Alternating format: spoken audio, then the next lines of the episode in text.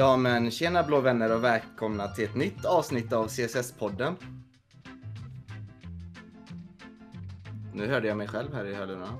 Men ja, det kommer bli lite bumpigt här eftersom det är första gången vi, vi kör live. Och vi ska göra vårt bästa så att ni får en, en schysst upplevelse och att ni får eh, liksom eh, ett gött häng här ikväll med dina favorit Chelsea-vänner. Um, ehm, Ehm, CSS-podden är den enda svenska Chelsea-podden skapad och administrerad av eh, Chelsea Supporter Sweden. Den enda officiella Chelsea-supporterföreningen med platinamedlemskap i Chelsea FC. Och eh, med mig idag i den här eh, fina streamen så har jag Linus Sjöström. Tjena Linus! Hur är läget med dig?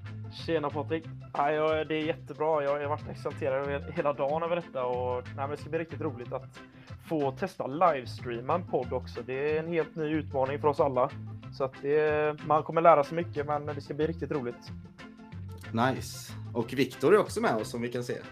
Jajamän, ja, kul att få vara med och sagt, jag var inte med i din pilot Patrik, men jag är väldigt eh, glad över hur, hur, bra det gick. Så det ska jag vara med. Skoj ja. att det händer grejer. Jajamän, vi jobbar hårt för att eh, höja kvaliteten liksom. Så vad häftigt. Vad, vad känner ni nu då när vi ska, liksom, nu kan vi inte göra samma misstag och sådär. Nu blir det lite mer gött häng och lite mer, eh, ja det blir lite mer informellt eh, häng och jag hoppas att alla lyssnare gillar det.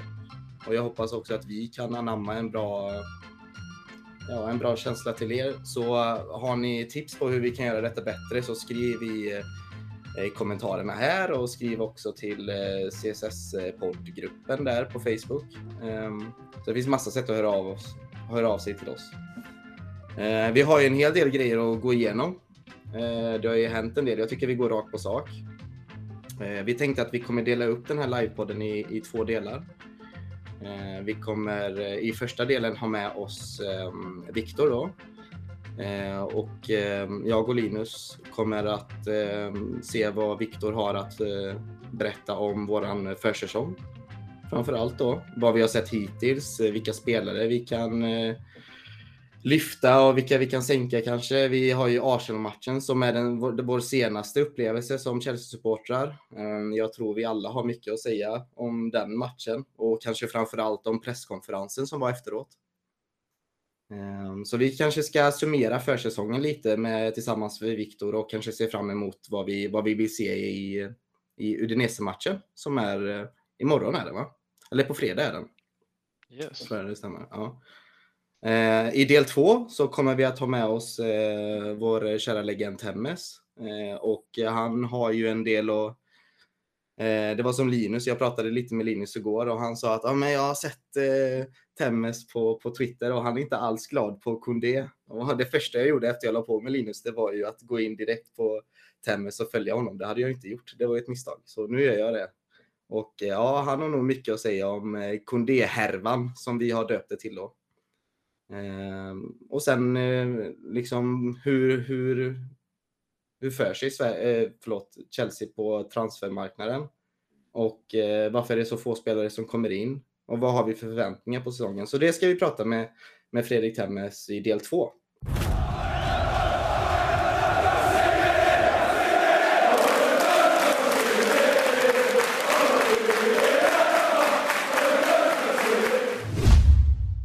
Men jag tycker vi börjar här nu med, med dig Viktor.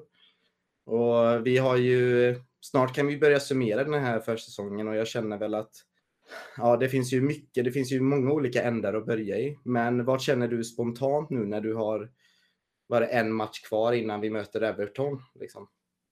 Ja, spontant så känns det ju ganska sådär. Eh, men det tror jag mer handlar om de här senaste kommentarerna från Tuchel egentligen snarare än att eh, det spelmässigt inte sett helt hundra ut på försäsongen försäsongen är till att få liksom minuter i tanken eh, snarare än att du ska göra några taktiska innovationer, åtminstone i min värld. Men eh, ja, det känns ju inte helt, eh, helt hundra inför ligapremiären. Det gör det inte. Nej, Linus, delar du, delar du det också eller? Jag har varit inne på samma bana som Viktor säger där att eh, det är ju en försäsong är till för att spelare ska testas och alla kommer inte vara kvar i klubben efter den här för försäsongen. Spelare kommer lämna och spelare ska komma in, som Tom Bowley själv har uttalat. Torsi vill ha sex spelare som vi har pratat under den här försäsongen som ska in. Vi har hittills fått in två som jag tycker är två riktigt bra värvningar på pappret och eh, de kommer växa med uppgiften. Men eh, försäsongen har ju blandat och gett och det var länge sedan jag kände på förhand att utifrån resultaten på en försäsong att vi, vi står inför ett spännande men också ganska osäkert läge om vi kollar till hur kort tid det är kvar till Everton-matchen. Ja, nej, jag, det, alltså det, jag, jag, vet inte heller själv om jag ska kolla med mina ögon hur jag ska summera den här försäsongen. Jag känner mig väldigt eh, typ rädd för att börja definiera det, för vi har sett när vi har gjort en dålig försäsong men ändå gjort bra säsonger. Eh, jag, tycker, jag tycker det som oroar mig mest är väl kanske vår fysiska form liksom, och vår, att vi inte verkar påtända riktigt. Det är väl det som som skrämmer mig mest kanske. Att det inte har tagit så mycket på allvar. Och det, det leder egentligen till att jag börjar tänka på de här försäsongs... Alltså lite av försäsongs försäsongstours då, som det är. Det är ju för att få nya fans, eller connecta med fansen, bredda sitt varumärke och sådär. Eh, nu var det ju väldigt passande att vi skulle till USA då med, med tanke på att eh, Bowley själv är amerikan. Eh, så jag känner det här, alltså att vi har rest till så många, vi har ju varit i Los Angeles, Las Vegas, eh, Florida, eh, i Orlando tror jag. Har, vi, har jag missat någon plats? Liksom? Var, de är ju... Åkte ju från Orlando till Charlotte där. Just det, i Charlotte, ja, när de spelar matchen. Så nej, det är, de har ju rest otroligt mycket på väldigt kort period med. Eh, jag vet att inte det är kanske en ursäkt, men det jag känner att det har varit väldigt intensivt säkert eh, utanför fotbollsplan också. Att de kanske inte har haft den här, det här fokuset. Eh, så, eller, eller förstår ni vad jag menar? Det har, det har tagit lite för mycket. Liksom, hade vi haft vår försäsong här i Europa så tror jag det hade varit lite lugnare. Tror jag. Och det du sa där i början håller jag också med om att jag blir orolig om man vinner alla matcher under försäsongen. Då är någonting lurt. Ja. det är ungefär ja. den bevisföringen jag tar med mig. Ja, och jag tycker också det att hellre att vi får se lite halvdant ut på en försäsong, men att då man hellre kan fixa till det till premiären mot Everton, för då ska det ju börja gälla. Eh, för då börjar ju Premier League och det är ju någonting vi ser fram emot redan efter den sista omgången eh, Eh, på förra säsongen. Så att det, vi står inför ett spännande läge, men också saker och ting måste rätta till och jag tror att Udinese-matchen på fredag är ett bra en bra träningsmatch och ett bra genrep på så sätt att vi måste nu börja sätta elvan lite mer, för det finns ju ett flertal spelare som jag är osäker på, som vi även kommer komma in på senare i podden. Men eh, så, saker och ting kommer att fixas till, men allt kommer inte vara klart för det här är ett lag på nytt och vi har en ny era som varit inne på. Och det, det är spännande på många sätt skulle jag säga. Och eh, nu har vi Viktor med oss i den här första delen av podden och vilka spelare skulle du säga under den här försäsongen har stuckit ut eller du har velat se i den här truppen?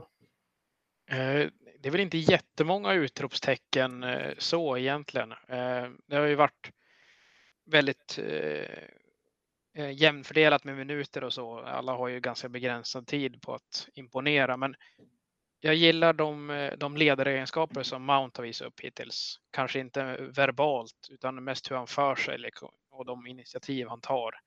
Eh, men vi vet ju redan hur bra han är. Eh, vilket kaptensämne det finns i den gubben. Eh, alla var ju jättetaggade på att se Gallagher lira i Chelsea, Chelseas tröja igen.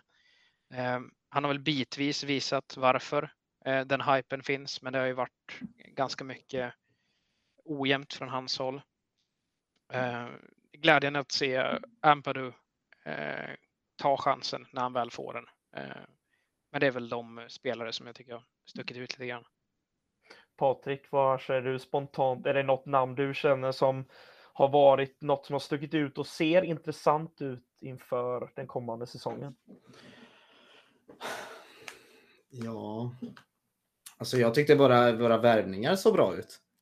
Eh, det är väl något jag tar med mig mest kanske. Eh, Koulibalis 20 minuter var väl eh, imponerande, eller imponerande, de var lite kanske det jag förväntade mig. Eh, Sterling Eh, såg pigg ut. Eh, även fast han hade haft en väldigt kort försäsong, så som jag har förstått det. Alltså väldigt pigg ut, energisk ut. Jag tror han vill visa upp sig med. Eh, han hade kunnat göra ett mål där när han kom i ett eh, halvfriläge där i senaste matchen. Så ja, jag, jag, det är väl det jag tar med mig mest kanske. Eh, och sen att inte Tuchel vet hur han vill sätta sin elva. Det är väl det jag kanske, eller elva, det känns inte riktigt som han har fått den här strukturen som han vill ha. Han, jag vet inte om han experimenterar eller om han om spelarna inte levererar. Jag vet inte riktigt vart jag ska lägga, lägga skulden ifrån. Jag tyckte Gallagher gjorde eh, en eh, hyfsat bra match första matchen. Eh, men jag tycker inte han passar liksom i en, i en dubbelsexa så som vi gillade att spela Jorginho, Kanté och Kovacic till exempel. Utan jag tycker han ska spela mer som en åtta eller tia kanske. Där han kan vara lite mer kreativ, slå den där passningen. Men där har vi ju Mount också, så det, det känns lite som att de två kanske konkurrerar om samma plats. Eh, då, vilket kanske är precis det Mount behöver. Och, och, vi kommer ju komma in på formationer senare i, i podden, men jag tror ju på en 4-2-3-1 uppställning liksom och då vill jag ju helst ha Mount som tia. Och där tror jag även att Gallagher hade gjort bäst ifrån sig. Man, man tappar mycket av honom om man ska jobba defensivt också. Jag tror att han har förutsättningarna för att bli en bra sexa. Så ska man spela en 3-4-3 som vi har nu, det, det krävs ju innermittfältare som kan göra allting. Mm. Jag tycker att Kovacic och Kanté, de passar ganska bra in i den rollen. Och det, jag tror att Gallagher kan bli den spelaren på sikt, men just nu är han ju mycket bättre när han får vara längre upp i banan.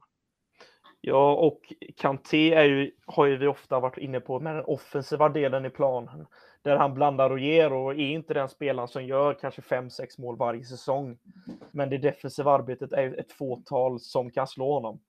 Och eh, att spela Gallagher och Kanté på ett innermittfält ser jag ganska kompletterbart eftersom att ena är väldigt duktigt i det offensiva spelet eh, gentemot Gallagher Kanté är otroligt duktig i det defensiva, så de tillsammans skulle jag definitivt kunnat se starta på ett innermittfält eh, för Chelsea. Men sen eh, som du också var inne på Patrik, gällande Gallagher där att i Palace fick han ju plats perfekt i det 4-3-3-spelet. Där han var en av de här tre där. Och mm. Då kunde han ju underbelastas i det defensiva tack vare att det fanns fler spelare. Men om, ett, men det bara finns två, mm. då blir det ju svårare. För då hänger det på just två pers och inte en till. Så att ja, det är, det är en balansfråga och vi har varit inne på det och diskuterar ju det. Kommer säkert diskutera det under säsongen också. Hur mm. Gallagher ska spelas. Men jag tror att får han några matcher där i början och får vara kvar i truppen så tror jag att han kan växa med det. Eller vad, vad känner ni spontant? äh, tror ni, för, för det första, eller förlåt, men tror ni att han blir kvar i truppen? Tror ni han blir... Ja. Vad tror du Viktor? Tror du det? Ja, då. Eh, han blir kvar. Ja. Ja, och jag tänkte också nu, det känns som att Tuchel gillar attityden, man märker det på presskonferenserna. Det är ju en kille som ger 100% från start. Och det är exakt sådana spelare vi vill ha i klubben. Och mm. är den här Chelsea-produkten och är engelsman, det, det kryddas ju på om man säger så. Mm. Spelar han längre fram i planen, alltså han kommer ju vara fantastisk i återerövringen. Alltså dunder Precis. i pressspelet. Verkligen. Och, eh, men jag tycker att vi också kan gå in på lite mer negativa delar av den här försäsongen, för det finns ju en del att diskutera. Mm. Och jag vill fråga båda er om vilka spelare ni är lite besvikna på eller vill se mer av. Och jag tänker vi börjar med Viktor, och vad du känner spontant där.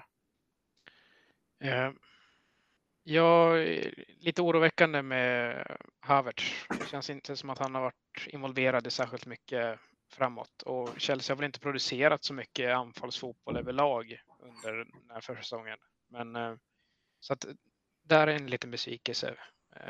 Sen eh, det avhandlar vi i senaste ordinarie avsnittet av podden att jättestor besvikelse att varken Kanté eller Lotto är med. Men sagt, det är nästan så att vi får, vi får skita i dem. Har de tagit det beslutet och göra, göra sig själva ospelbar på det sättet och då kan vi prata om de spelare som faktiskt är tillgängliga istället. Det håller jag med om.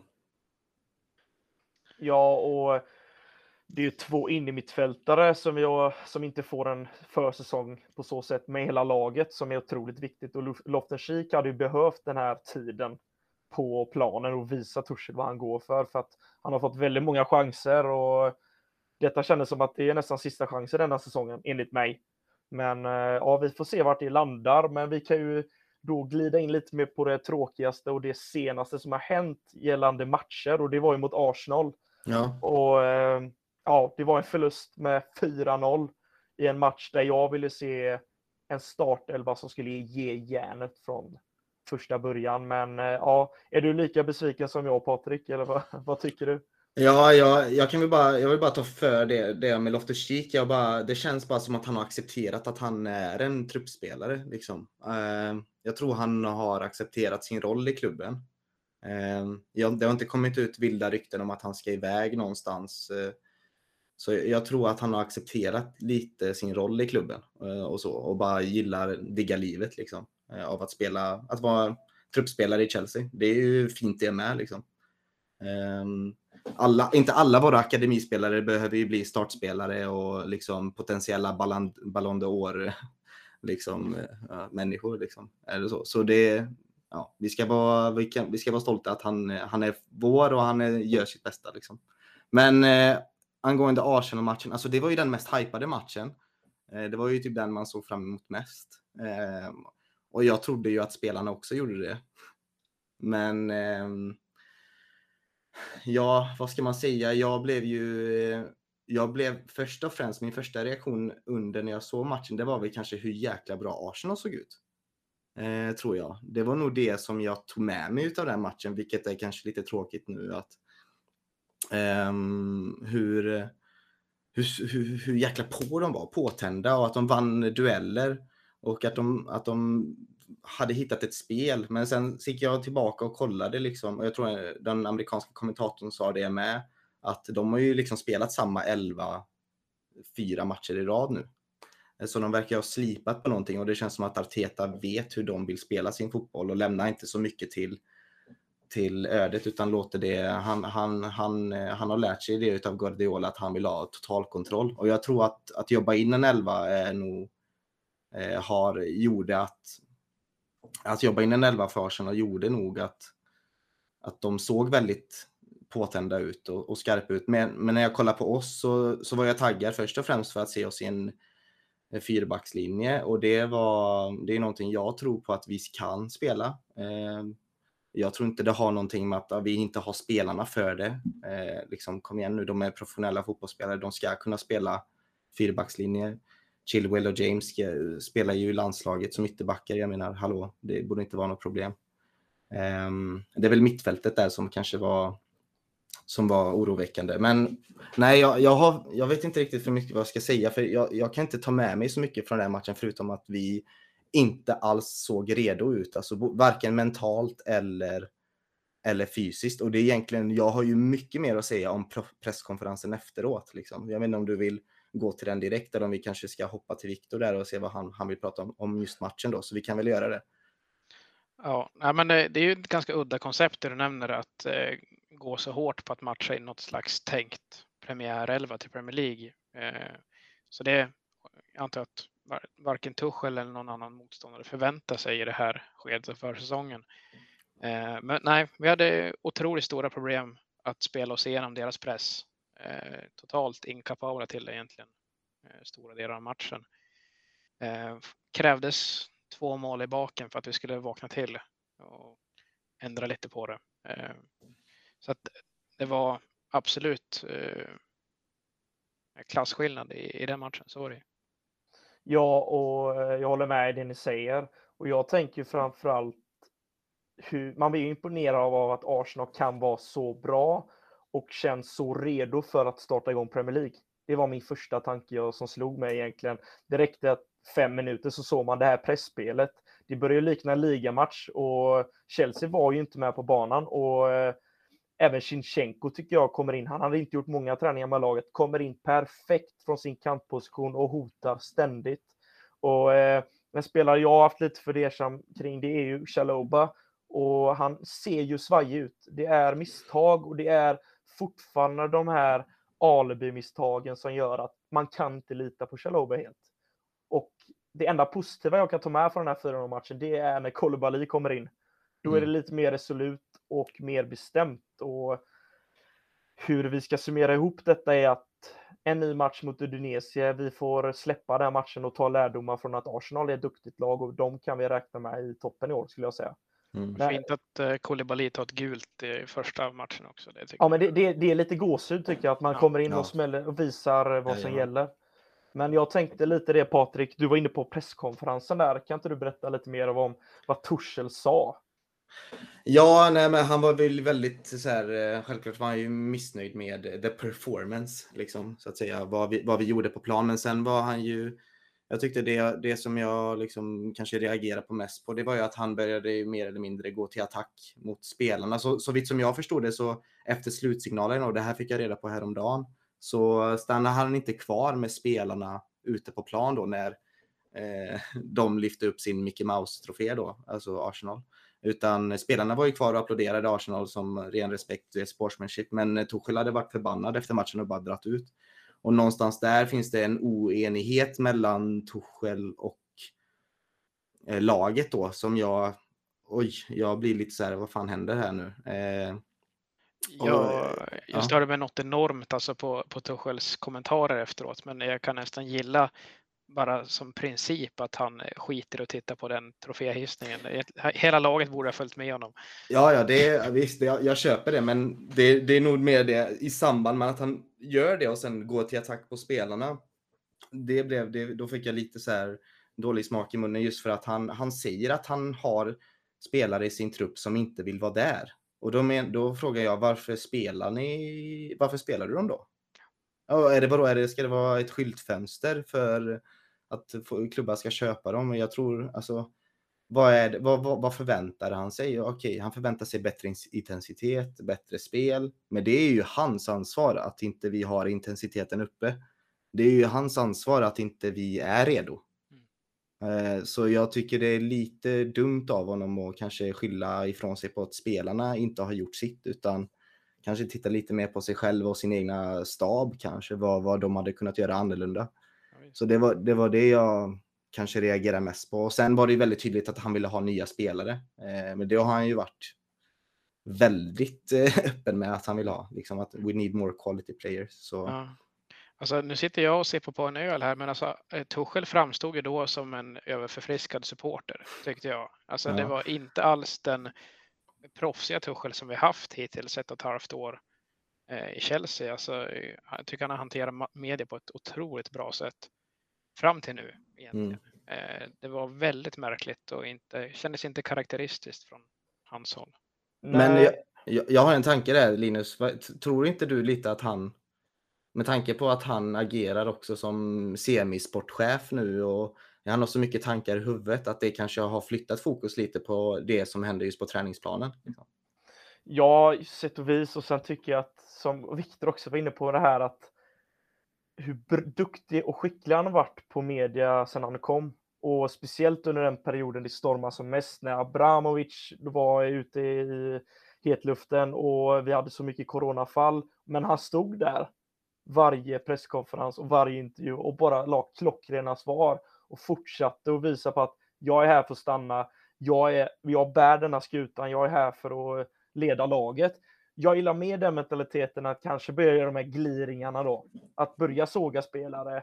Till mm. slut, alltså det, det känns som ett mer sätt att skapa rubriker. Eh, och då tas ju fokusen, fokuset bort från det vi vill egentligen.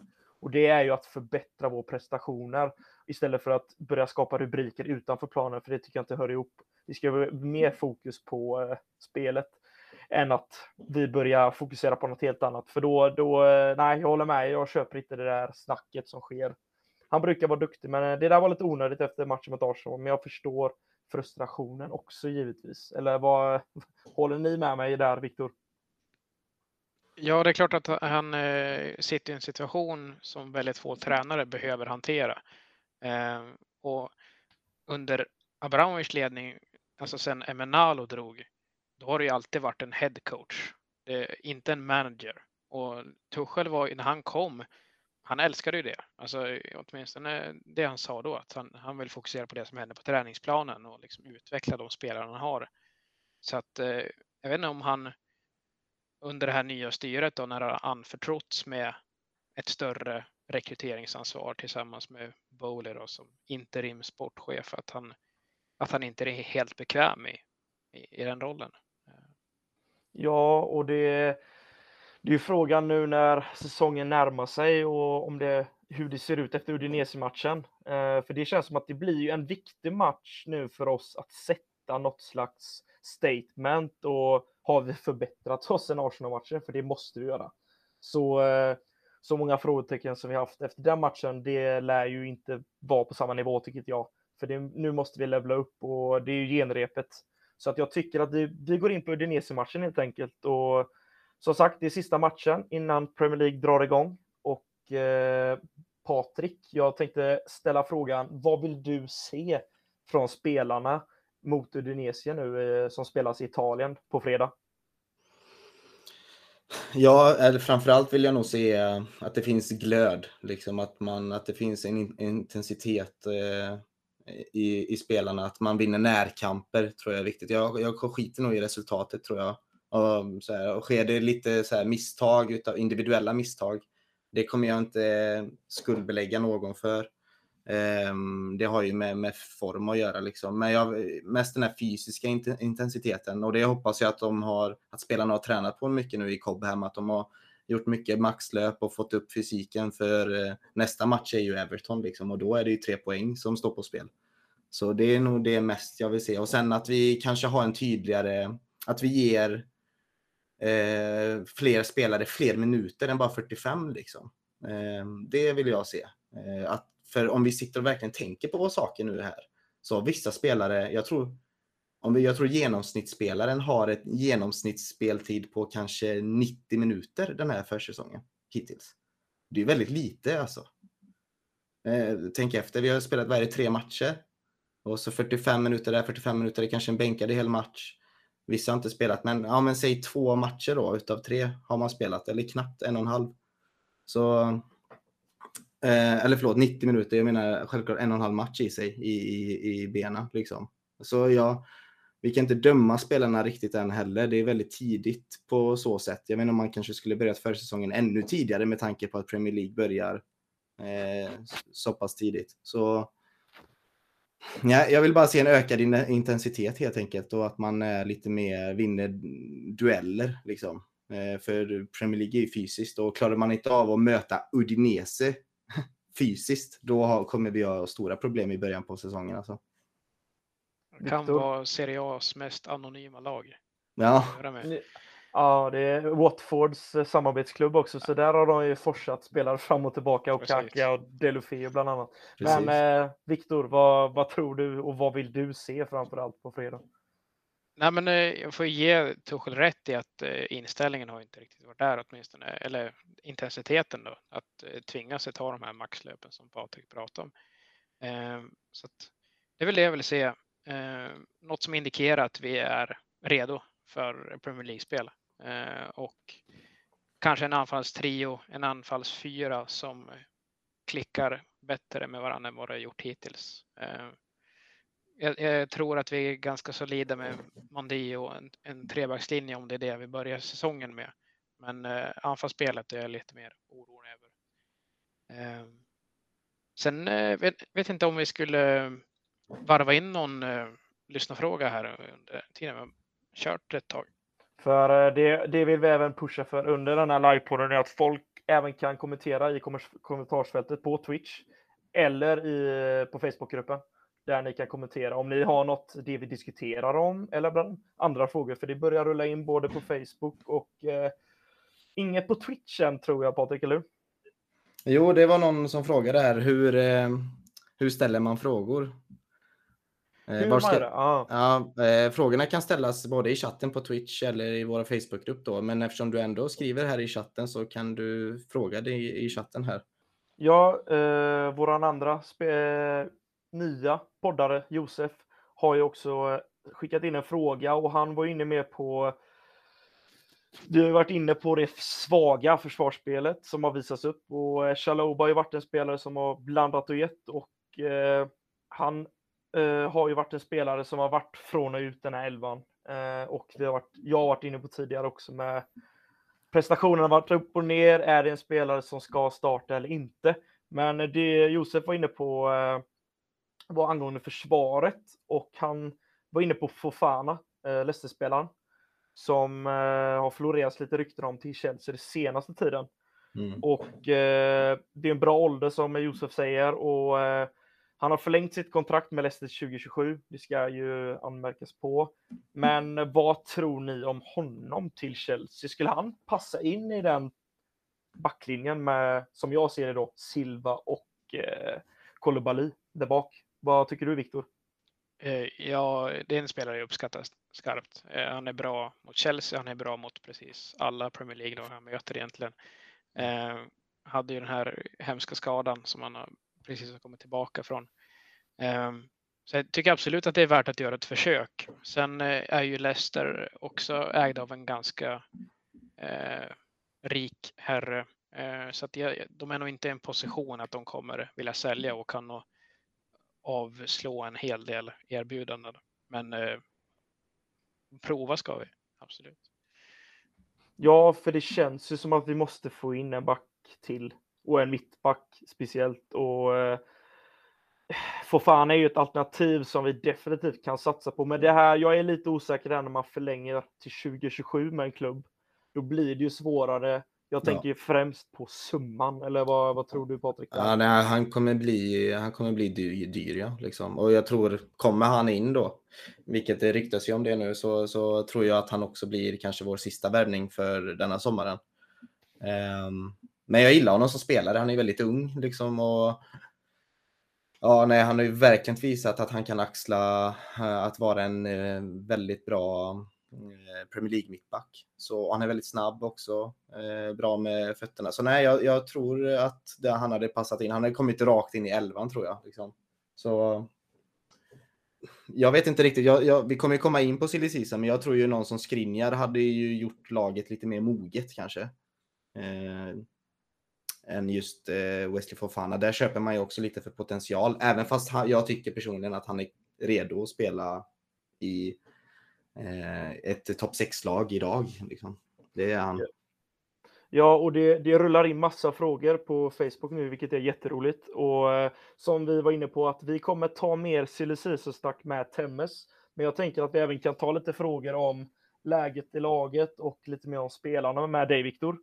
Och eh, Daniel Karlsson skickade in här som vi var inne på lite tidigare och vad stämningen i Chelsea och specifikt mellan Bowley och Tuchel.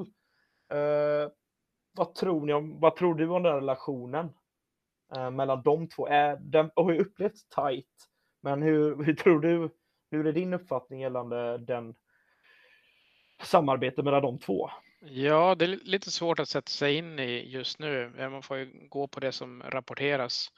Eh, Daniel tillhörde ju redaktionen här i, i fjol. Eh, men eh, det, det är ju speciell lösning i och med att Granovskaja blev erbjuden att stanna kvar liksom, som någon slags konsult under det här fönstret.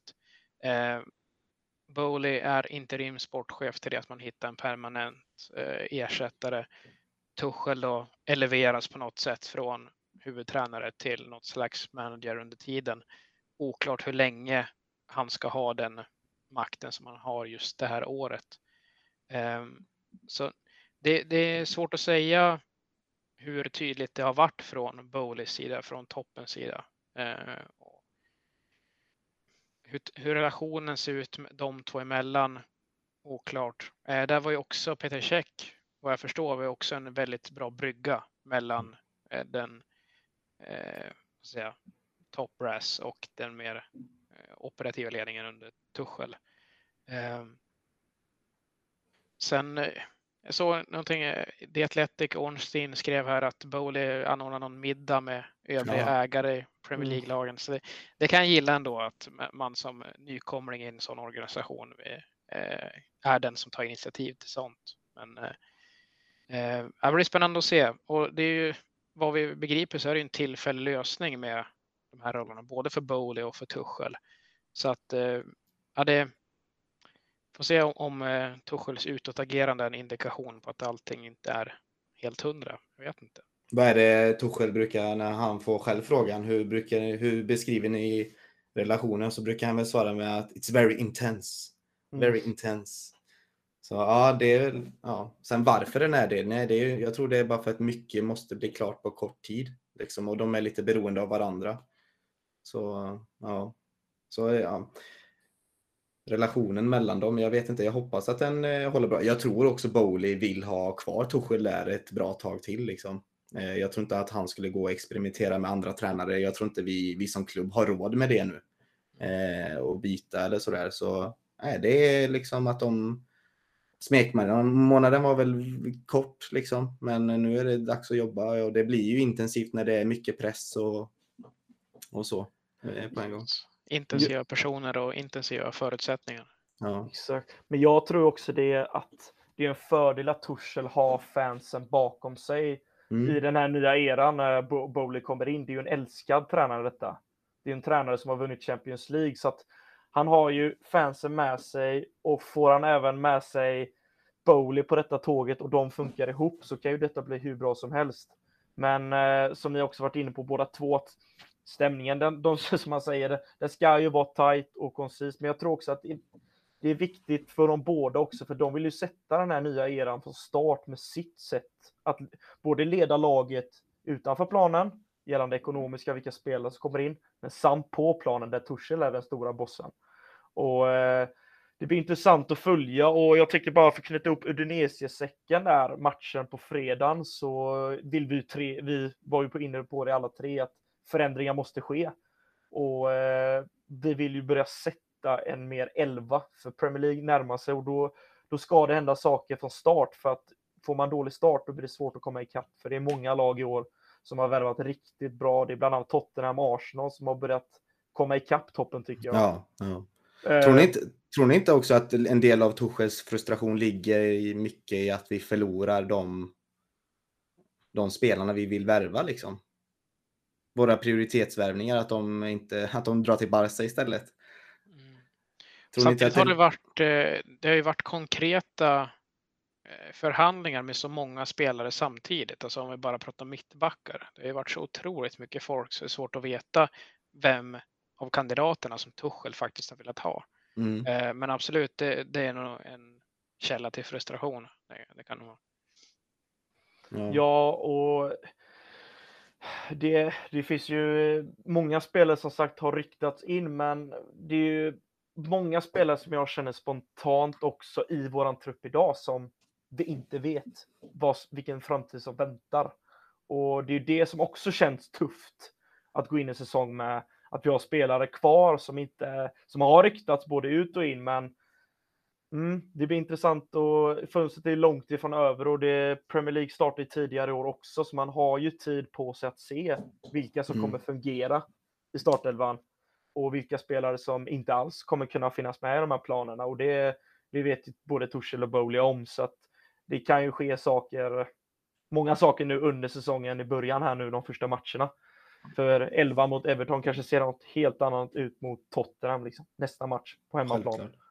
Jag tror inte ens vi har spelat vår bästa elva än. Liksom. Nej, nej, det, nej det, det håller jag med om. Det, det är Ja. mycket kvar och det finns många spelare som inte ens har lirat ihop som jag ser Ja. som startspelare i år. Men visst Eh. känns det nu lite, alltså från eh, det, mitt första avsnitt då jag hade här på CSS-podden, då var det mycket ja, förhoppningar och glädje och man såg fram emot sommaren och säsongen och nu känns det, pum, det känns det är 180 grader nu. Nu känns det allt lite mer, det finns mer tvivel, det är mer negativitet, det kan ju vända så jäkla fort också. Liksom. Det var väl eh, första avsnittet efter att ägarbytet blev klart så det var väl mycket lättnad också att hela den sörjan var färdig eh, som fanns med. Precis, ja, det är en bra poäng i och för sig. Ja, Ja, men är det inte lite så att följa Chelsea? Det är aldrig en rak väg. Det är, det är aldrig enkelt, men det är därför också man älskar det så mycket för att man blir så engagerad och dagshumöret hänger mycket på hur ser det ut idag i, i Chelsea-lägret och det, det är upp och ner, men det är lite som ens humör också. Det, det präglas mycket av det här laget som man älskar och som vi brinner för och därför är vi engagerade och brinner för att prata i podden bland annat. Så det, ja, men det, det är kul att säsongen ska dra igång för man sitter bara och väntar egentligen på hur kommer det se ut? Hur ser det Mm. ut mot Everton? Men vi, vi är snart där och det är det Ja. som stressar oss också. Ja. Det var bra sagt Linus och jag, så är det ja. Men jag, kom, jag har absolut mycket att säga om, om Bowleys agerande ute på transfermarknaden. För vi måste ändå säga att det är väl hans agerande. Jag kan inte se riktigt att det är någon annan som lyfter luren. Så, men vi kanske ska prata om det mer i del två eller ska vi, ska vi ta mer med Viktor? Jag tänker att det är mer fokus del två. Eh, mm. Vi kommer snart ta en kort paus där vi tackar av Viktor för mm. ett grymt arbete. Men, eh, och därefter kommer Temmus in. Men innan vi släpper Viktor så vill jag ta lite tempen på vad du har för förväntningar på den kommande säsongen. Samt vad du, du får tippa en ligaplacering också. Okej, okay. ja men uh, senast jag satt och spelade in så sa jag att då fick jag frågan om Chelsea tar en titel nästa mm. säsong. Jag sa att vi tar minst två. Så det får jag stå fast vid. Eh, om ligatiteln är en av de två, det känns lite mastigt i, i dagsläget att slå fast. Eh, men eh, ja, men eh, jag då säger att vi kommer tvåa. Det, jag eh, har, har mycket hjärta eh, när jag förutspår eh, på det här viset och ja, jag väljer att vara optimistisk och tycker att det, det funkar hyfsat hittills. ja, och jag gillar att du driver och tror att vi tar två titlar. Det är, det är skönt att det är någon som känner det. Jag hoppas givetvis på att vi kommer upp, upp i ligan, men vi får se. Det, vi fick ju smaka på två Wembley, Wembley-finaler igen. Mm. Få spela på Wembley och där har vi fått känna på att det är tråkigt att förlora finaler. Yeah. och det, det, vill inte ske igen. Det är så jävla små marginaler och eh, även när vi har mött Liverpool som ett fruktansvärt bra lag så tycker jag vi har bra matcher hela tiden. Inte bara i de här finalerna utan även i ligaspelet. Ja. Eh, alltså när Tuchel har matchat deras 4-3-3. Jag tycker det har varit suveräna prestationer nästan varje gång. Eh, så att Liverpool kan vi knuffa åt sidan. jag tyckte ligacupfinalen där framförallt var vi ju klart bättre tycker jag.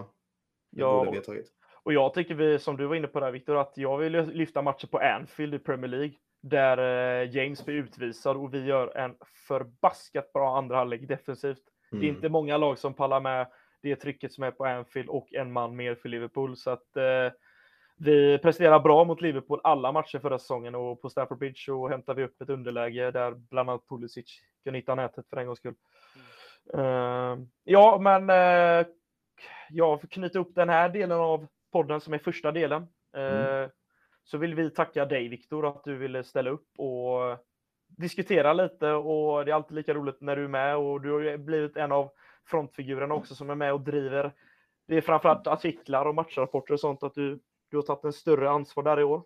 Ja, men stort tack för att ni ville ha mig med och eh, kul att ni drog igång det här och tog det initiativet. Det eh, känns som att podden kan vara i väldigt gott skick den här säsongen. Det känns jättetryggt. Så att jag kommer lyssna med nöje här under del två. Vad kul. Hoppas du kan vara med fler gånger också. Det kommer du säkert vara. Det tror jag nog. Nice. Men då eh, bryter vi av då till del två. Vi är strax tillbaka. Det tar väl tre, fyra minuter. Så häng kvar. Yes.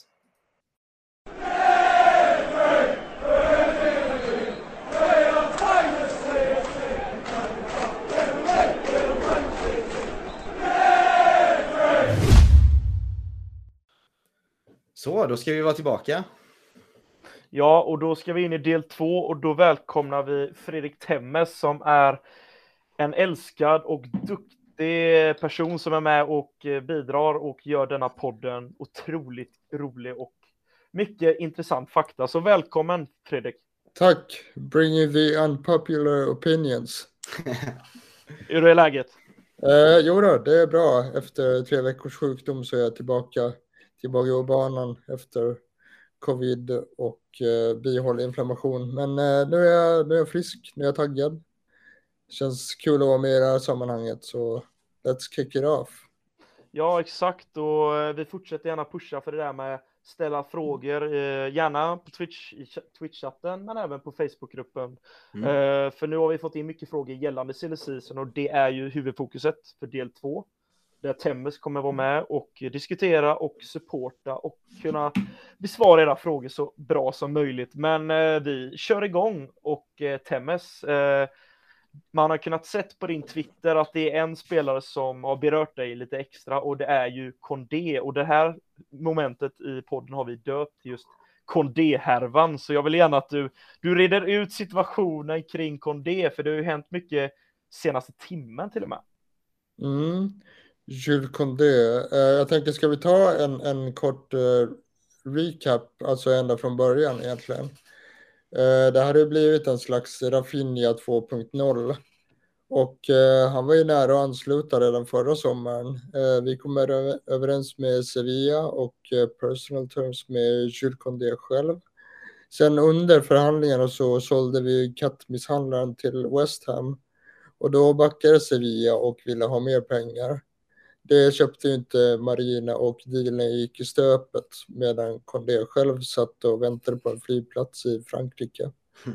um, sen så konstaterade jag under säsongen att han var besviken över att flytten uteblev. Och uh, ja, uh, januari transferfönstret gick förbi och ingenting hände där. Men sen inför uh, Bowley Clear Lake-övertagandet så så var det många som trodde att han skulle hovas in direkt. För kort efter att eh, affären gick i hamn så skymtades han ju i, i London faktiskt och poserade på bilder med, med Chelsea-fans och sådär. Um, sen kom sommaren och ryktet kallnade medan vi gick in för Delicht. Uh, eh, sen när det blev klart att det inte blev någonting av med Delicht så dök ju rykten upp om eh, Kim Pembe och även Kondé. Eh, och det är här det intressanta börjar då, för vi, vi gick in i förhandlingar och la så småningom ett bud på 55 miljoner pund. Fick det accepterat av Sevilla.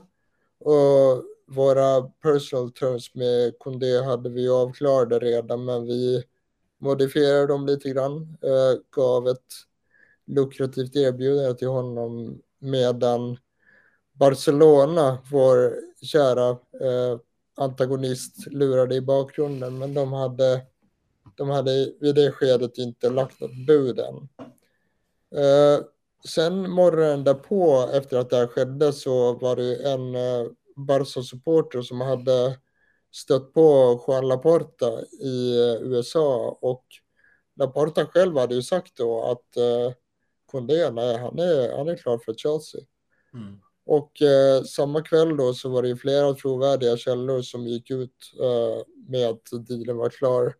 Det var Ben Jacobs och det var Matt Law och de här stora drakarna. Det var egentligen typ alla förutom Fabrizio Romano som har varit ganska försiktig med sina uttalanden. Och till och med Gerard Romero, den här eh, sommarens clown då, eh, den här 40-åriga mansbebisen som härjar på Twitch. Eh, till och med han sa att det var troligt att eh, Kondé gick till Chelsea. Men, och det här börjar bli riktigt snurrigt. Samma kväll så sa han att nej, operationen är, är inte över riktigt. Och mycket riktigt så nästa morgon så var Barcelona tillbaka i leken enligt eh, Romero. Och eh, eh, förväntades ju och resa till, eh, till London för att göra sin läkarundersökning. Men istället så åkte han på försäsongsläger i Portugal med eh, Sevilla. Trots att han inte var inkluderad i, i truppen. Och det här var ju Chelsea inte riktigt nöjda med och det blev kaos på Twitter Folk undrar vad, vad håller han på med? Väntar han på Barca? Nej, det är nog så att han bara vill hålla sig fit eh, och sådär. Men eh, han fortsatte på försäsongslägret och eh, det pratades vid det skedet om att eh, Sevilla behövde läsa igenom dokumenten. Sen eh, sen var det en period på ungefär tre dagar där, där det fortfarande var så att Sevilla inte hade läst igenom dokumenten. Eh, och eh, eh Fabrizio Romano gav ju sig in i leken då och sa att, att eh, Chelsea väntar på grönt ljus eh, från både Condé och eh, Sevilla. Eh, flera dagar gick eh, och det, eh, det kom inget grönt ljus. Och eh, Barca gav sig då in i leken på allvar. Det började diskuteras. Eh, Xavi hade eh, telefonsamtal med Kondé. Och känslan man började få då var nog att nej, han, eh, han väntar nog på, på Barcelona. Eh, även om det sades liksom att han är öppen, öppen att gå till båda klubbarna. Eh, till skillnad från Rafinha då som, som bara ville eh, till Barcelona från början. Men det här gröna ljuset kom ju då aldrig och eh, Barca avancerade i sina förhandlingar. Och eh, nu i veckan här så, eh, så sa jag till slut eh, Simon Phillips att eh, nu har Chelsea gett upp på det här.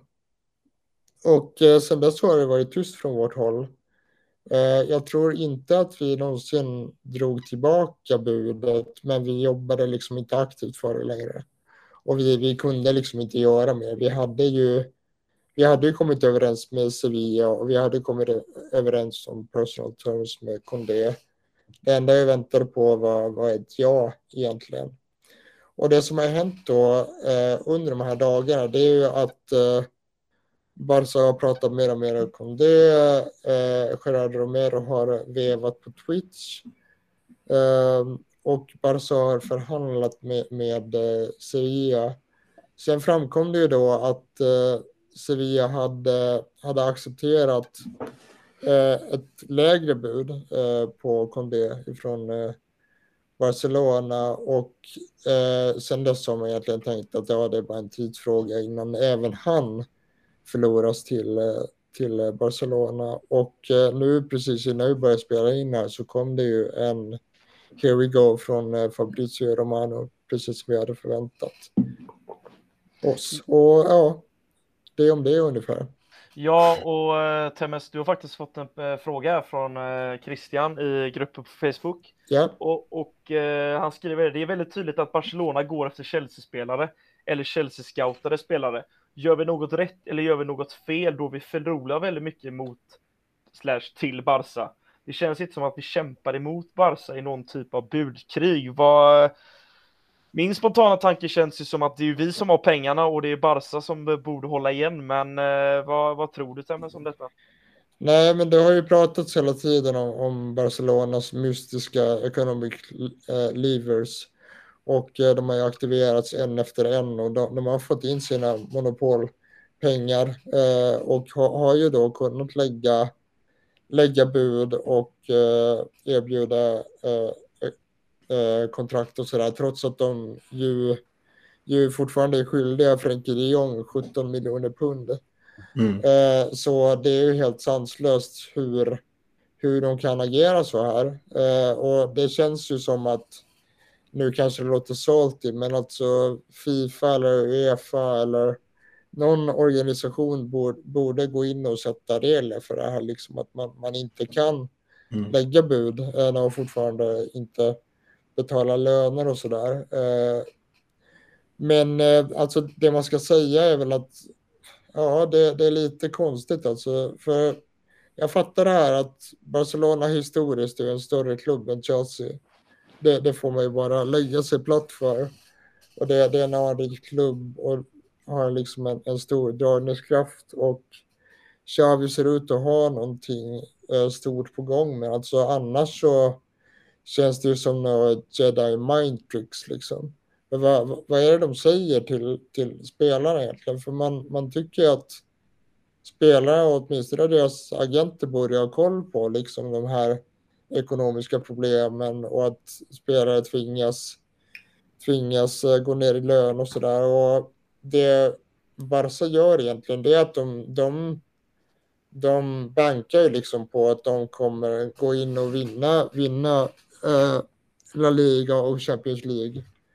Eh, och gör de inte det så kommer de ju ligga riktigt pyrt till. Men det här är ingen Barca-podd så vi, vi ska inte fördjupa oss i det. Men eh, alltså summa summarum, jag tror att det är dragningskraften egentligen och liksom deras pull med, med Xavi och historien och liksom den klubb som det är, det, det verkar ju vara, vara väldigt stor. Sen ska man ju komma ihåg också att eh, de, alltså det största i Sydamerika, det är i princip att man kan spela för, för Real eller Barca. Liksom. En liten anekdot då. Jag, förra veckan så köpte jag, jag och min fru ska åka iväg till Barcelona nu och hälsa på hennes kusin där. Eh, och då såg jag i kalendern att de möter eh, Valladolid den veckan. Så eh, jag var dum nog och köpte en biljett. Liksom. Jag var inte så arg på dem då som jag var nu. Liksom. Men nu ångrar jag att jag har hjälpt dem att få lite kassaflöde liksom, in i klubben. Men eh, det ska bli... Eh, det känns också som... Det kan ju bli ett Frankenstein-bygge det de håller på med, men vi ska inte prata alldeles för mycket Barca. Nej, och eh, jag vet inte om det är alla drinkar och alla bärsen du dricker på stranden i Barcelona som är det som drar. Eller ja, det känns som att de här pengarna som Barca slänger upp nu, de, eh, mm. de, de finns inte. Men ja, no, nog om Barca, för det, det har vi ju diskuterat och det har ju någonting man får ständigt följa med. Men Patrik, du hade en liten ja, jag, jag, jag tycker att det här säger en del om, eh, om hur vi har agerat på marknaden. Jag, alltså, man vet ju inte. Jules Kunde var ju en på våran lista väldigt tydligt förra sommaren. Och nu i och med, alltså när transferfönstret började här nu så kändes det inte riktigt som att han var det. Det kändes som att vi trodde väl kanske alla att han skulle vara den första värvningen under, under eh, det nya ägandeskapet. Men så blev det inte. Vi jagade Rafinha istället. Ehm, och då, vad tror ni? Tror ni inte att Kondé har känt lite att aha, här sitter ni och pratar om Delikt och nu vet vi inte hur snacket har gått, liksom. Om de har öppnat upp kontakten med Sevilla igen. Eller om de gjorde det när det började rapporteras om det. Um, men jag tror, hade vi gjort det så fort transferfönstret hade öppnat så tror jag vi redan hade landat Kondé. Alltså före Sterling till och med. Ja, jo men alltså det, det har spekulerats lite om att kan det vara så att uh, Kondé själv har, har sett de här ryktena liksom att jaha, ni prioriterar Delicht Mm. Eh, Nathan Ake till och med, eh, Koulibaly. Eh, ni verkar inte vilja ha mig lika mycket som, eh, eh som Barca vill, eh, vill ha mig. För jag, jag, tror ju precis som du att hade vi bara agerat tidigt eh, med Kondé så hade vi fått honom. Därför att det har ju varit, det har ju varit tydligt egentligen under hela året här att han, han ville verkligen inte ut mm. Chelsea. Mm. Men innan vi går över på de breda penseldragen om hur vi agerar och så där så skulle jag bara själv vilja yttra några ord om, om, om Kondé just. Därför att ni som har följt mig här i podden och på Twitter, ni vet ju att jag har aldrig varit eh, Kondés eh, största fan direkt och jag har ju eh, aldrig, var, aldrig velat ha honom. För jag, jag har jag har då, precis som många andra, sett liksom ett problem med, med hans längd och hans fysik. Alltså visst, han är, han är ju en väldigt kompetent försvarsspelare när bollen spelas på marken. Liksom han, är, han är snabb och han är intelligent och brytningssäker och sådär. Sen dessutom ska man ju komma ihåg det här elementet om också att han är otroligt bollskicklig hade verkligen kunnat eh, avancera, eh, avancera framåt i, i banan med bollen i behåll och har ju liksom kvaliteter som, som, eh, eh, som liksom får de flesta mittfältare på skam. Så jag ser ju allt det där, men jag ser också att jag menar, han är 178 centimeter och folk säger liksom, ja men du hakar upp dig för mycket på hans längd han är ganska stark, han har en jävla spänst och sådär. Men, men jag, jag kommer inte ifrån det att jag menar 178 centimeter och du ska, du ska upp i en luftduell med eh, van Dijk liksom. Det, mm. det kan ju bara sluta på ett sätt. Eh, så rent krasst så han har ju liksom inte, inte de fysiska förutsättningarna för att spela i Premier League. Jag, jag tycker att han, eh, alltså La Liga passar honom passar honom bättre eh, på det sättet. Och ja, nej, men alltså jag, jag har väldigt få principer liksom på hur, hur spelare i vissa positioner ska vara. Men just när det gäller mittbackar i Premier League så ska de vara stora och starka. Som eh, Koulibaly till exempel är en arketypisk eh, mm. försvarsspelare som kommer passa väldigt bra Det ska bli kul. eh, Det ska bli kul att se hur Lisandro Martinez gör. Ja, precis. Jag, jag tänkte det. Liksom, Samma läge där. Ja, 175 centimeter liksom. Precis, jag tänkte på det faktiskt att eh, om vi eh, om vi nu hade värvat eh, Koundé så hade det blivit en väldigt intressant mellan två väldigt kortvuxna spelare. Mm. Eh, där. Och jag, jag tror ju av samma anledning att eh, om nu Lisandro Martinez spelar som, som mittback så kommer han få det väldigt, väldigt svårt mot eh, storvuxna spelare som Harry Kane och van Dijk och sådana. Eh, men han kan ju också spela som, som eh, vänsterback och defensiv mittfältare. Men eh, så jag summa summarum, jag är faktiskt glad över att vi inte får in eh, Kondé. Ja, och jag kan faktiskt hålla med dig där Temmes, eftersom att den här frustrationen att aldrig en affär blir av, så är det hellre, då taggas man mer igång av att en Koulibaly-affär bara smack, smack, smack, blir klar ganska snabbt och effektivt. För då Mm. känner man att det här är en spelare som både vill till klubben, men samtidigt att det är ett enkelt sätt att kunna genomföra en affär, för det är ju inte det med just nu med spelare som Barcelona speciellt blandar sig i med oss. Men Koulibaly har varit ett alternativ som Chelsea velat haft i flera år som Mm. äntligen kommer med både rutin och en jädra eh, kraft och led, ledarskapstyp eh, som jag älskar. Så kommer passa in perfekt. Men eh, Condé, jag, jag köper också att Barcelona, det är samma liga, han känner till ligan och han får vara kvar och spela i spansk fotboll som jag håller med Temmes passar honom bättre. För Premier League, det är inte till för om man ska spela mittback så är det inte det till för de här små nätta spelarna för då smäller det. För det är, det är både stora anfallare men också fysiskt överlag i hela ligan och Mm. jag tror att i längden tror jag att detta är det bästa. Men eh, vad, vad, vad tänkte du säga Patrik? Nej, men ja, det här med Premier League, eh, just att eh, vi ser också en tendens nu att både i och med i och med köpet med Darwin Nunes då och eh, Haaland så liksom både Liverpool och City går ju mer mot de här nio, starka niorna liksom. Det kanske blir att den här trenden blir eh, starkare också genom ligan eh, och då är det ju viktigt att möta upp den trenden även på försvaret då. Så Koulibaly kanske kommer precis rätt i rätt tid liksom. Ja, ja. Koulibaly är en solklar eh, fem plus-värvning. Ja. Eh, av, av, den, an- av de anledningar som vi redan nämnt. Liksom. Eh, storleken, fysiken, eh, speeden, smartnessen, rutinen, ledaregenskapen. Alltså det, det, man kan använda hur många superlativ som helst om, om honom som spelare. Mm. Men om vi, om vi kollar över nu då, om vi tar lite mer grova penseldrag och hur, som du sa där Fredrik, om hur vi agerar på marknaden och kanske framför allt vilka resultat vi får. Eh, så jag minns att, eh, lite som kontext då, jag, jag minns när jag på min första podd då, som för två veckor sedan så sa jag lite, jag vet inte om ni noterade det, men jag sa att jag är lite rädd på att Bowley kanske kommer se ut som en clown lite här i början. Eh, Eller så att han, eh, att han kanske inte riktigt vet vad han gör för han tog ju middag med Laporta hit och dit. Och nu känns det som att hans oerfarenhet då inom sporten eh, visar sig ganska tydligt. Jag, ehm, vi har ju haft säkert samtal med hur många spelare som helst. Och det är ju spelare som vill lämna. Och jag tror han har lämnat väldigt mycket ut och det sportsliga till Tuchel, men när det kommer till förhandlingen av fotbollsspelare så tror jag inte riktigt han har kanske de här supervassa argumenten till varför man kanske ska joina Chelsea då. Jag tror att eh, Tuchel måste landa, göra den här sista för att få in det i mål.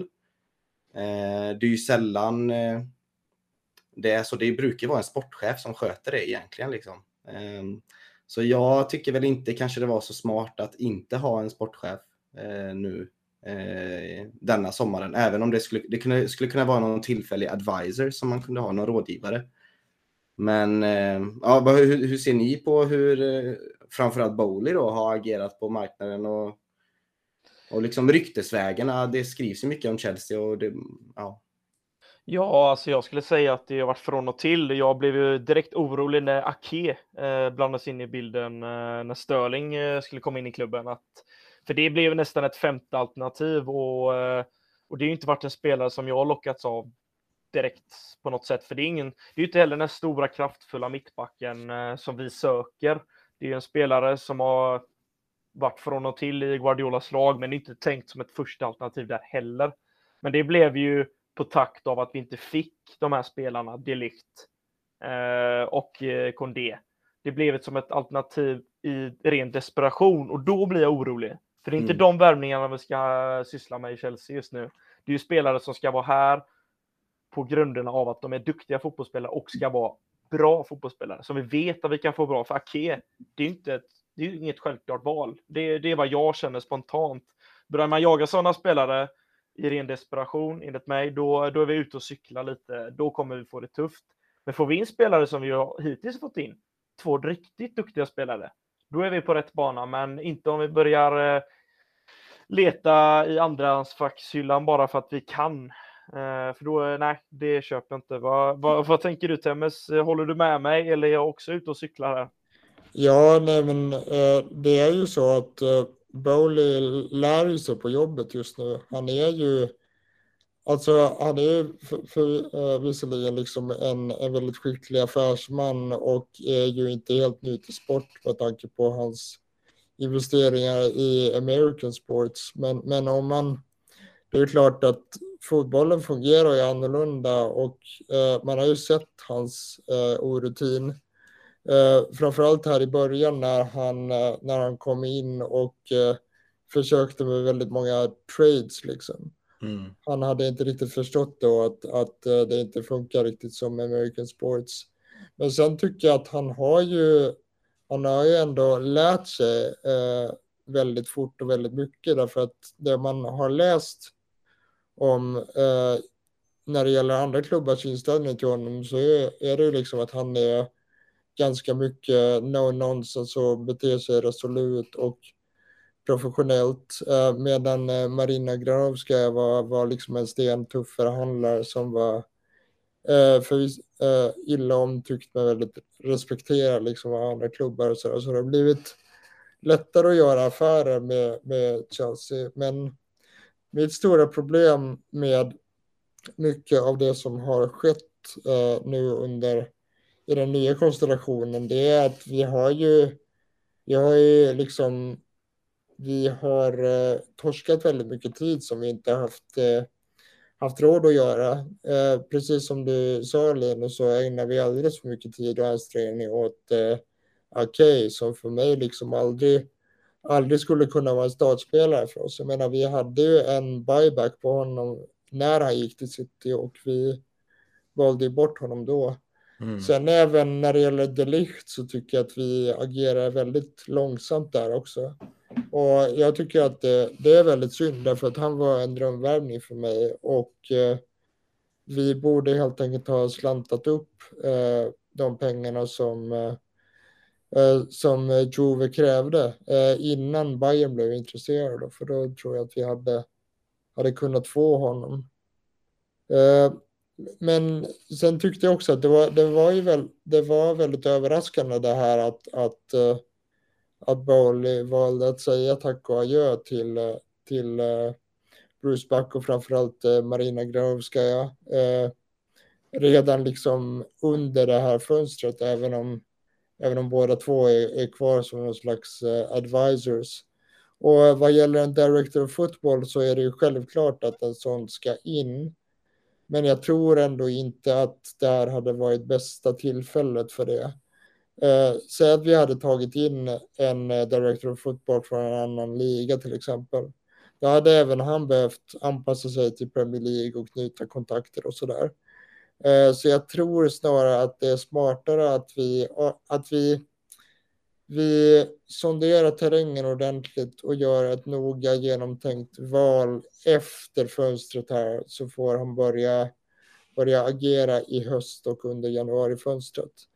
Men för, för att återknyta till, till det du var inne på i början Patrik så eh, visst Bowleys orutin har varit lite problematisk eh, tror jag.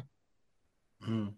Ja, jag, jag, jag reagerar lite på det. Jag tror när, eh, när vi hade budgivningarna på Chelsea då med de olika, mm, med de olika konstellationerna som ville köpa klubben så tycker jag man redan där borde haft en plan. Liksom, om man nu ser sig själv vinna, då tänker jag hur ska jag agera till sommaren? Och det känns väl, jag vet inte riktigt, jag får inte känslan av att det var så uttänkt, utan det var, det kändes som att avtalet blev klart, nu äger ni klubben. Och så tog han ett blixtmöte med Tuchel. Bara Tuchel, vad vill du? Och så drog han på Tuchel på en rant att jag vill ha de här spelarna. Så visade han upp en lista och säger Bowley, ja, I'll see what I can do liksom.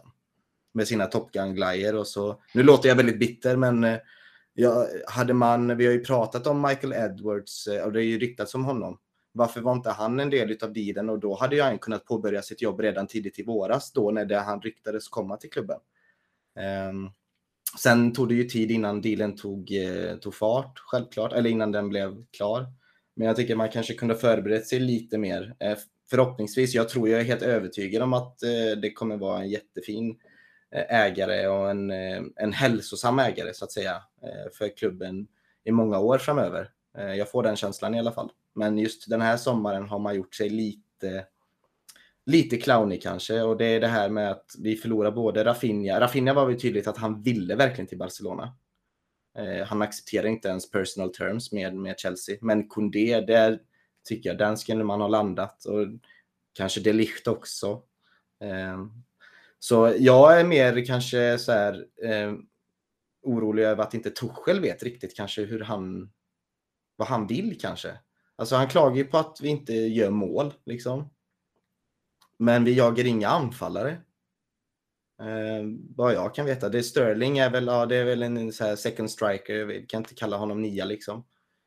Men det är nog det jag blir så här, vet Tuchel vad han vill ha för lag? Liksom? Vad om Tuchel hade lekt Ultimate Team på Fifa, vad hade han spelat då liksom för, för 11? Den är jag lite så här, eh, känner han sig låst med sitt nuvarande spelmaterial?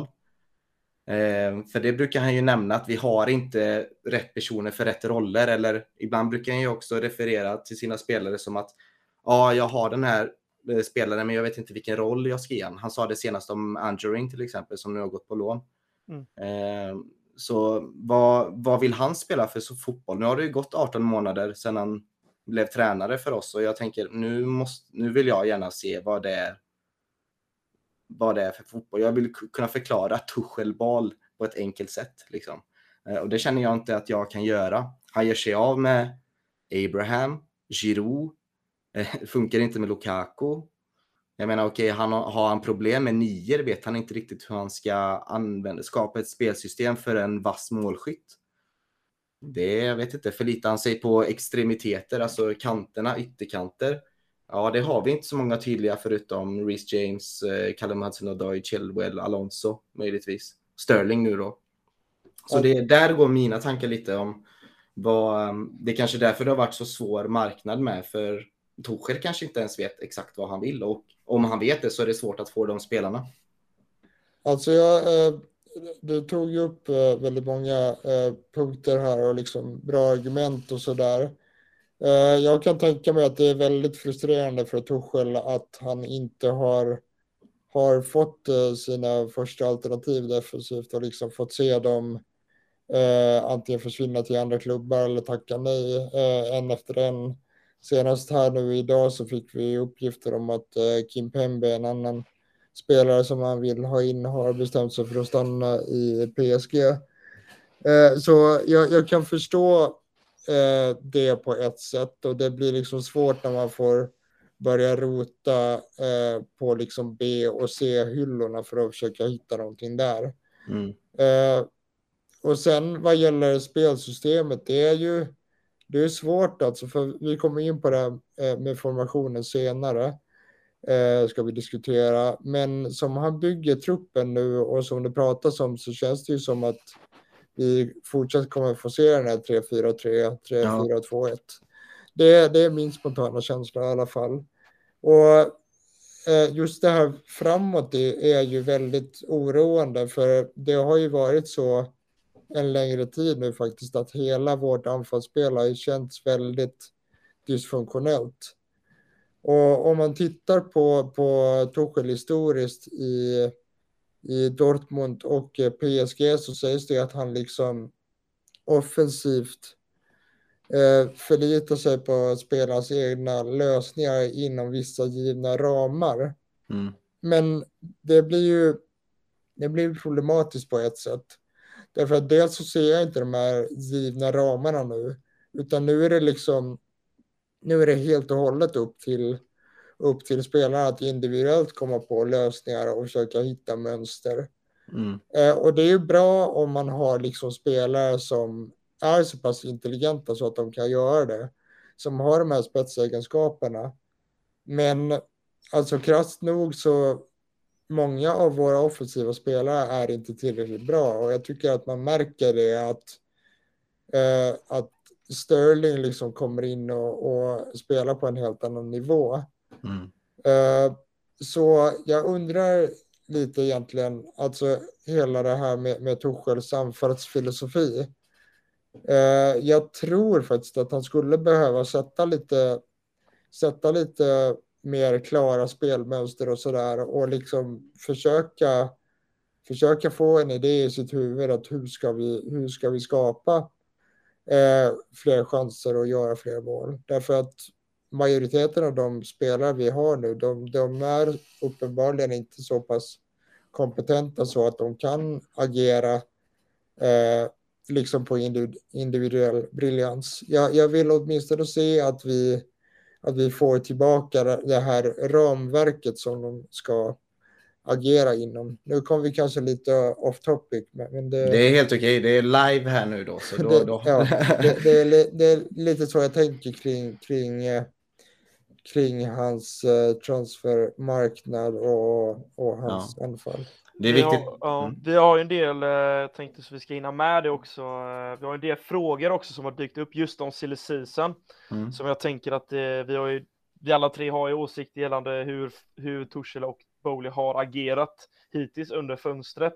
Men vi har även lite frågor jag tänkte vi kan ta upp här som har kommit Jättebra. upp gällande silly season så vi kan diskutera också. Riyad Sabanovic, Sabonovic, ja förlåt för uttalet, men han skriver liksom vilka backar går efter nu, men det tycker jag vi har diskuterat rejält och eh, utförligt, så det tycker jag att vi bör gå in på. Men en annan del av hans fråga var, bör vi köpa en anfallare? Och i mina ögon så måste vi nog ha ett till alternativ, för jag kan inte lita helt på Kahavert, för det har vi sett här, eh, även om han satte en boll riktigt snyggt i en tunna bakom mål, håller inte riktigt för att bollen ska in i det riktiga målet. Eh, men jag tycker vi måste in med ett starkare alternativ där, för vi kan inte ha Michi Batshuayi, även om jag gillar honom personligen som en skön lirare. Men eh, en hög nivå håller han inte för att spela i Chelsea. Men eh, om ni skulle svara lite kortfattat på den. Mm. Vilka namn känner ni spontant ska in där? Ja, nej, jag, jag, precis det jag var inne på då. Ja, jag hade velat ha en anfallare in, men Tuchel verkar ju inte gilla nior. Det blir bort med Giroud, bort med Tammy Abraham. Lukaku hittar han inte hur han ska få in i spelet. Så jag vet inte. Alltså jag, jag, satt och, jag satt och häpnades över hur jäkla bra deal West Ham gjorde med, eh, med Skamacka. Herregud vilken bra spelare. Det, är, det kan vara sommarens värvning liksom. Vilken bra värvning det är. Eh, det, han hade jag sett in. Varför köper inte Chelsea honom? Nej, det, jag tror inte Tuchel... Jag vet inte vad Tuchel vill som sagt. Jag tror, vi har ju spelat vår bästa fotboll under Tuchel med en falsk nia. Kanske vår mest flärdfulla fotboll. Men det var i början när han tog över och vi spelade lite lägre försvar. Ju mer vi käkade in oss under säsongen och med Tuchel in och dominerade possession så tycker jag vi har fått ett sämre anfallsspel. Så vi kanske behöver ha en lägre backlinje och spela mer kontring. Ja. Ja, Vad tycker du Fredrik? Alltså, jag tycker inte vi behöver bara en utan två, två offensiva pjäser. Eh, jag skulle vilja ha in en, eh, en spelare som är gjuten till, till höger och eh, även ett centralt alternativ. Och om man går in på, på det här med, med nior så jag tror precis som du Patrik att, att eh, uh, Tuchel vill nog inte ha en, en klassisk nia utan han vill nog snarare ha uh, rörliga spelare för att få till den här flödande offensiva uh, trion. Um, jag, jag, vet inte om vi ska gå in på det nu men jag har egentligen väldigt mycket åsikter om, om Lukaku och hela den uh, affären. Men jag, jag, tror helt enkelt att, att Tuchel vill ha in vill ha in rörliga spelare och eh, med, med tanke på det så tyckte jag det var lite konstigt ändå att vi att vi helt sonika har tackat nej till eh, Dybala som enligt mig precis är en sån, en sån spelare som är den här rörliga anfallstypen som kan spela på alla tre mm. positioner. Uh, och vi kanske kommer in på det uh, senare också, men uh, jag tycker inte Kaj är en nia, eh, ens en falsk nia, även om jag, även om jag accepterar att det är det han, han spelar, eh, spelas in som nu. Som jag har varit inne på i podden säkert hundra gånger så ser jag honom som en eh, tia som, som ska liksom kunna flyta omkring och, och hitta ytor och, och, göra sin grej och liksom få, eh, få den här friheten att, att ta löpningar in i boxen. Men jag tycker inte att han ska vara en, en renodlad striker. Uh, för jag tror inte att han har 20-25 mål i sig helt enkelt. Utan jag hade gärna sett honom bakom en traditionell nia i en 4-2-3-1 till exempel. Vad säger du Linus? Ja, alltså kollar vi på de senaste åren på hur vi har producerat framåt så eh, är det oftast för få mål av våra anfallare. Eh, det har ju varit, vi kan ju rabbla upp flera stycken. Eh, en spelare jag älskade när han kom in var Giroud eh, som gjorde ett riktigt bra jobb. Men sån spelare ser inte jag på marknaden just nu tillgänglig. För det är en perfekt spelare i mina ögon att avlasta. Det har han gjort flera gånger, Giroud, i både Chelsea, Arsenal och även nu i Milan. Där han har även fått mer speltid från start. Men sådana spelare växer ju inte på träd heller. Och Chelsea skulle behövt en målskytt av rang.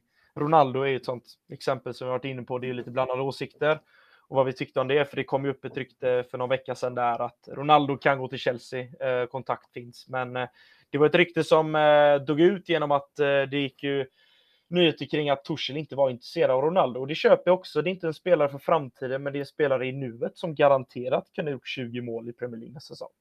Som kunde ha avlastat Kahavet som mm. är, är, ett namn för framtiden. Men det är som Temme säger, anfallare på Kahavets. Nej, det är ingen spelare som kommer göra 20 mål per säsong. Det tror jag inte kommer hända. Och eh, nej, men det, det finns mycket att säga om just anfallsposition i Chelsea, för det har inte varit lyckat de senaste åren. Men jag tänkte en annan fråga som vi har i Facebookgruppen från Karl Bosson när han eh, skriver att Hakim och Timo ut nu också? Frågetecken. Känns nu vi behöver truppspela lika mycket som klass. Åsikter, vad, vad tycker vi? Försvinner Werner och Sears nu? Eh, för då behöver vi verkligen hitta alternativ. Då står vi ju nästan på enstaka spelare där uppe på de offensiva positionerna. Temmes, vad känner du? Ja tack. Eh, jag vill gärna ha ut dem båda två. Jag har i princip räknat ut dem redan för jag vet inte hur många gånger jag slet eh, det lilla hår jag har kvar över, över deras prestationer eh, den förra säsongen. Jag, jag är helt jag, är, jag har helt gett upp på Timo Werner. Alltså han, han, han, han jobbar hårt, springer fort och är en trevlig kille. Det är liksom hans hans förtjänster. Jag, jag har helt gett upp på honom och samma sak med, med Ziyech eh, som dessutom är inne i sin, i sin prime nu och är ändå liksom en spelare som är alldeles för ojämn. Inte bara från match till match utan även från sekvens till sekvens. Så det sägs ju dessutom att han har jobbat hårt med Lukaku-metoden nu för att få till ett lån till, till Milan. Eh, så låt båda gå. Och hade det varit möjligt så hade jag sålt eh, Christian Pulisic också. Men, Mito, det, eh, det håller jag med om. Eh, men eh, eh, tyvärr, tyvärr så kan vi inte göra så med, med, med tre offensiva spelare. Det, det funkar inte. Men eh, sälj de två och så försöker vi återinvestera pengarna i riktig klass. Eh, och jag ser nu att vi får en fråga till exempel att vilka spelare vill ni se in? Och, ja, det var, jag, det var jag som ställde den frågan till jaha, våra tittare här. Uh, ja, men uh, två spelare jag hade velat ha i alla fall är, uh, och jag tror att det är orealistiskt att få in båda två därför att det skulle bli snordyrt. Men jag skulle vilja se Osimhen eh, som centralt alternativ som ju är en, en spelare som kan hålla upp bollen och dessutom är, är rörlig och har liksom mål i sig. Eh, jag, vill, jag ville faktiskt ha Ronaldo också när det ryktades om det, eh, för precis som Linus så ser jag att han är en kortsiktig lösning som ändå hade kunnat garantera 20-25 mål. Men det ser inte ut att hända. Eh, en annan spelare jag väldigt gärna vill ha är Rafael Leao. För han, han är just en sån rörlig anfallsspelare som, som hade kunnat flyta omkring eh, fram i den offensiva trion och göra mycket nytta. Men alltså ska vi ha någon av de två så blir det en, en, en miljard per styck. Liksom. Eh, jag, jag, sen mm. blir jag också jag blir orolig över att det, det pratas nu liksom om, um, om det har varit rykten nu om Eh, Sam-Maxima till exempel. Och visst, han är en bra spelare och eh, avig dribbelgubbe liksom och väldigt bra one-on-one som, som Tuchel eh, verkar uppskatta. Men jag vill ha in ren och skär klass nu. Någon som är klart bättre än de alternativ vi har. Och det är inte Sam Maximin i mina ögon. Utan vi, vi behöver liksom ha in en spelare som är på en annan nivå som eh, Sterling verkar vara till exempel. Jag, jag, jag vill inte se att vi, att vi gör oss av med, med eh, mediokra spelare och liksom går in för rena breddalternativ, utan vi behöver spets. Ja. Vad, Patrik, om du har någonting att fylla i där på Temmes utläggning? Nej, jag, det är väl mer Ronaldo-grejen. Jag aldrig i livet alltså. Aldrig i livet. Det, det kommer bli Ronaldo-show över det hela. Det kommer bli oh, nej, Chelsea kommer tappa det här eh, nya vi håller på och bygger och det kommer, jag vill inte att Ronaldo ska på något sätt spö över det. Jag vill inte att han ska vara något varumärke som ska stå för vår nya era. Eh, jag tycker det är svaghetstecken i så fall. Eh, sen är det ju liksom, man kan dra hela den här valsen om att han kommer sälja tröjor och bla bla bla och få nya fans, men nej tack. Det är, det... Ny, det är ny Lukaku-härva kanske?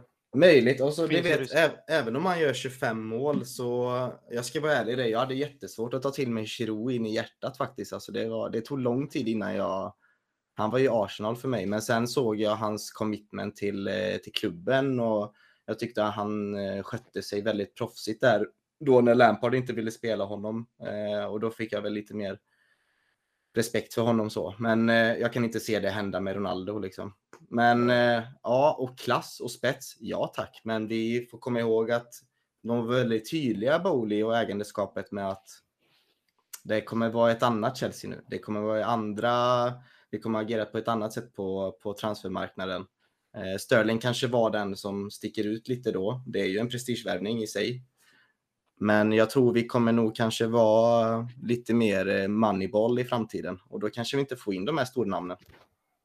Nej, och jag tänkte det, vi har varit inne på det också med Jero tänkte jag där, det är ett tecken för mig, en liten anekdot bara för att bryta man. När han eh, kysste Europa League-pokalen och sa tack Arsenal, det var ett sånt jädra tecken för mig så jag ville nästan ja köpa en Giro-tröja på studs. Men eh, för att avsluta och knyta ihop den här sillysäcken som blev, ja den har varit spännande att lyssna på och diskutera för den var bred och det är alltid det när man pratar silly om Chelsea. Men eh, om ni rent krast får, eh, det var en fråga från Chris som också varit med i gruppen och varit med i podden. Han undrar era drömvärvningar och då vill jag ha någon direkt pang på studs här eh, och vi börjar med Patrik. Om du får välja, får välja två namn som ska in.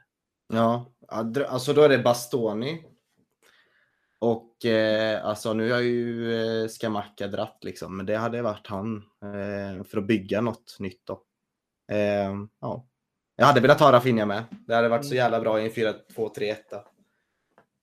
Och eh, Temes var spontant två namn som dyker upp i huvudet. Ja, jag blev ju riktigt lack över att vi, att vi torskade Rafinha och eh, Delicht. Men eh, två namn, då säger jag eh, med de givna förutsättningarna Milan Skriniar in som mittback och eh, Osimhen som forward. Ja, Linus? Ja, åh, jag trodde jag skulle få undvika den frågan. nej, nej, men eh, jag som Temmes också varit inne på, alltså Ronaldo, ja visst, det hade ju kunnat varit ett spännande alternativ offensivt för oss Mm. denna säsongen. Och sen var jag även inne på en mittback som inte vi har lyft så mycket i podden, som gick till eh, Juventus nu. Eh, Bremer, eh, Mm. Torinos mittback. En bjässe där bak. Är ju bara 96a, så han är inte gammal och har gjort det jättebra i Torino som kämpar i mitten skiktet av Serie A. Så det hade kunnat varit en mittback som kunde ha vuxit med uppgiften i Chelsea, men nu är det förbi och eh, inte möjligt eftersom att han har lämnat klubben för eh, Juventus. Men eh, för att gå vidare i nästa segment tänkte jag på förväntningar på säsongen. Eh, Temmes, du har ju även fått dessa frågor på förhand och fått diskutera och analysera och eh, bollat idéer. Eh, vad har du för förväntningar på säsongen som kommer här nu? Jag har eh, låga förväntningar. Det har jag haft ända sedan förra säsongen. Inte två titlar som eh, Viktor eh, trodde. Nej, det är ingenting som jag, som jag proklamerar här och nu.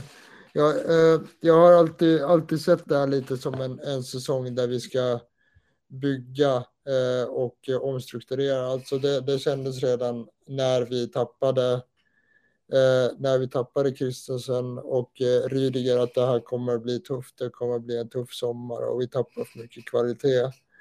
Eh, det bästa jag kan se är en tredje plats och såklart att vi ska försöka ha kontakt med eh, Liverpool och City. Det, det, det är drömscenariot i ligan för mig. Jag tror, jag tror inte att vi kommer ha någonting med titelstriden att göra.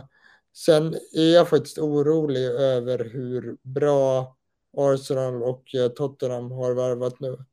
Så vi måste tyvärr titta i backspegeln också. Eh, därför att, eh, ja, Conte gör som man brukar göra, eh, kräver värvningar, eh, dödar sina spelare under försäsongen och de, de ser ju till skillnad från oss eh, extremt redo ut. Och de kommer springa tills de spyr. Så jag är faktiskt lite orolig för att vi möter dem redan i andra omgången. Eh, och Arsenal då har ju värvat riktigt smart. Eh, så de, de blir att räkna med tror jag. Och jag tycker mig även se att Arteta som jag inte allt, alls ratat tidigare, han börjar få ihop någonting där. Känner jag. Sen ska vi absolut inte räkna bort Manchester United håller nu eh, med Ten Hag. Därför att han har ju eh, United inledde sin försäsong en vecka tidigare än alla andra och han har ju gnuggat och gnuggat och gnuggat spelmönster. Eh, och är ju, det säger sig självt att han, han är på en helt annan nivå än Solskär. Och jag tycker ofta att man glömmer det när man pratar United, att egentligen så har ju de en bra trupp.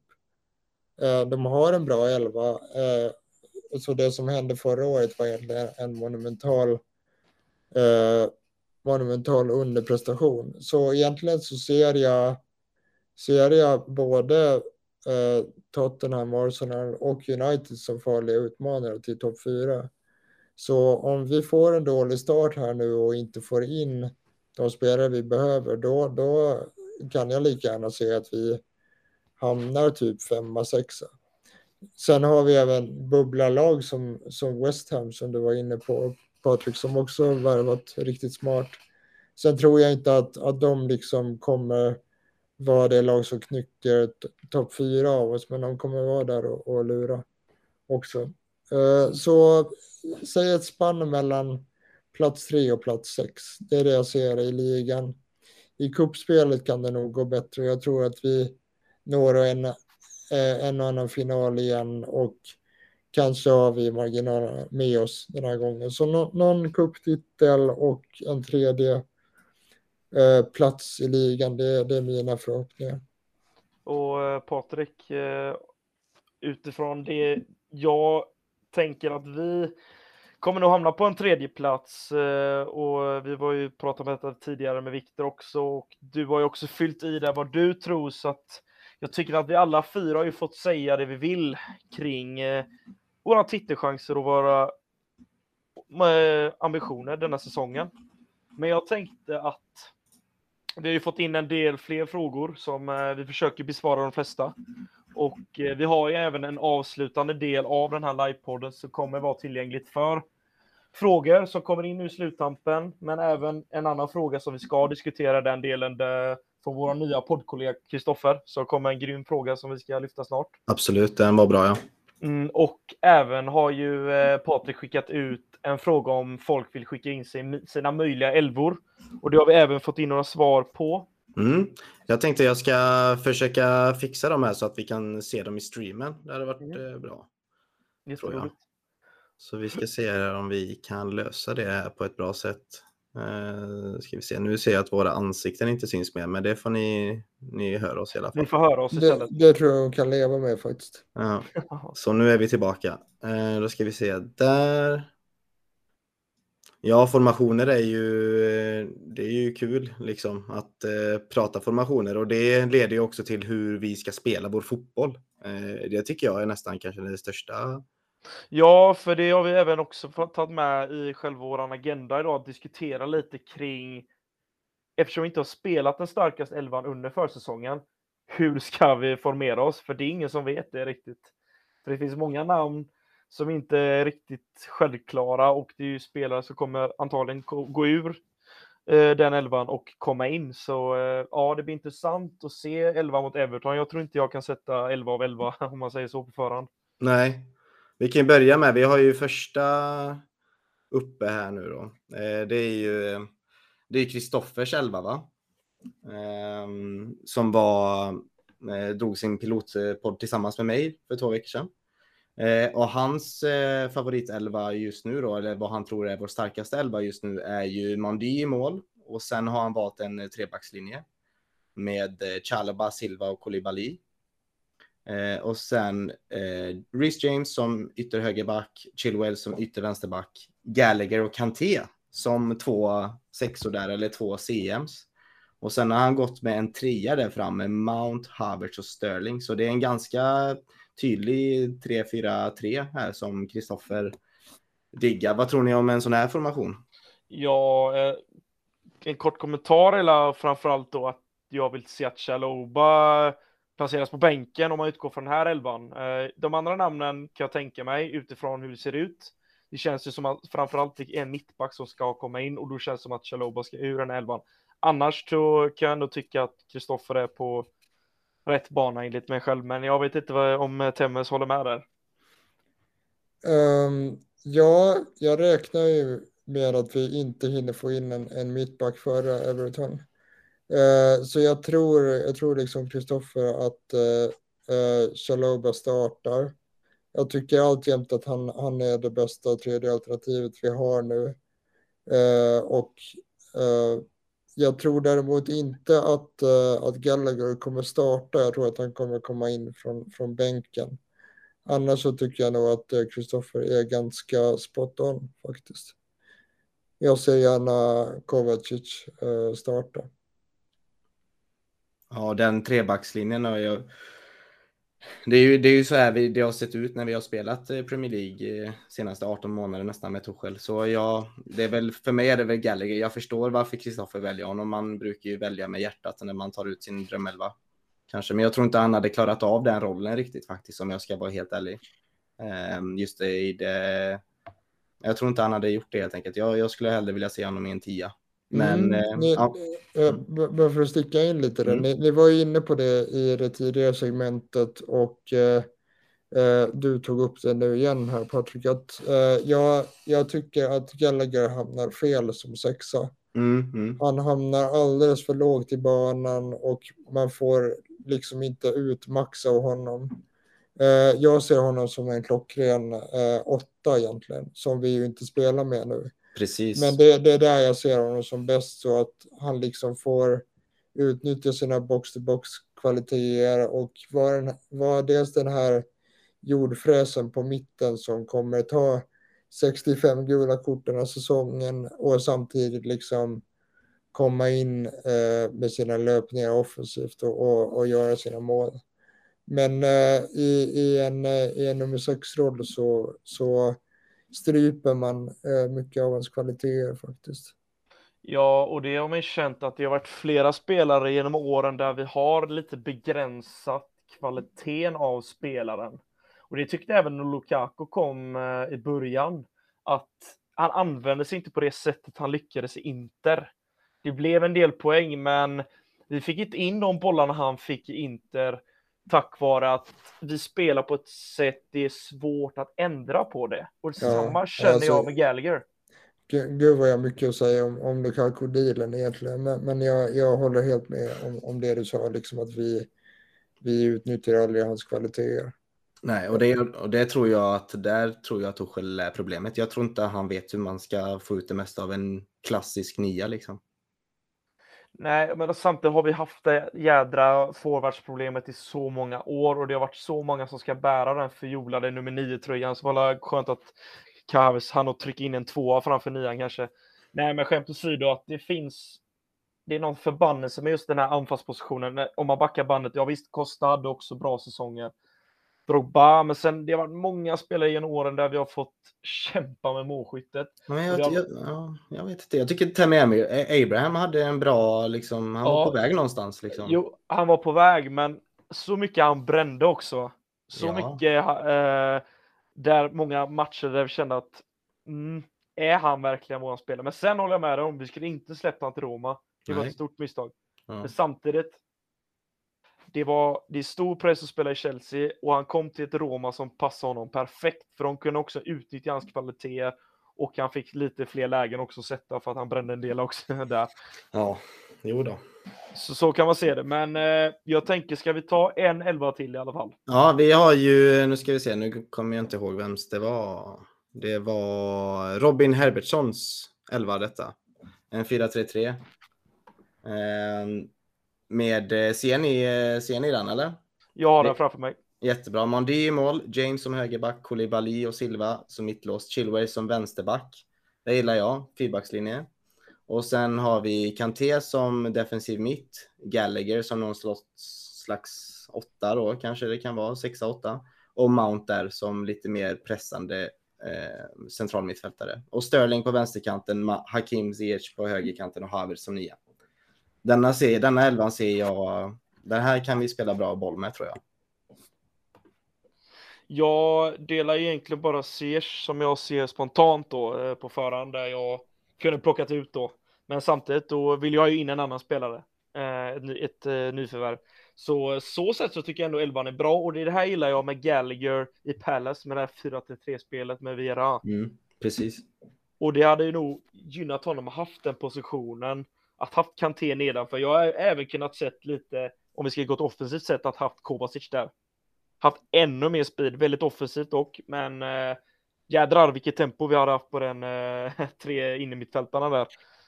Men ja, nej, men jag tycker att det också en, det är en bra 11, 4 till 3. Det är också en, jag gillar spontant den formationen. Det är ett stort ansvar från tre innermittfältarna defensivt också. Mm. Men ja, nej, men jag tycker den är bra. Men innan eh, Fredrik, du hoppar in här så tänkte jag, jag vill bara visa, jag har vurmat för min elva här, jag känner att nu måste jag ha en shameless plug och lägga ut den. Det här, så tycker jag vi ska spela fotboll alltså. Ehm, jag vet inte om ni ser den? Jag ser det. Ja, ser du den också Fredrik? Yes, det gör jag.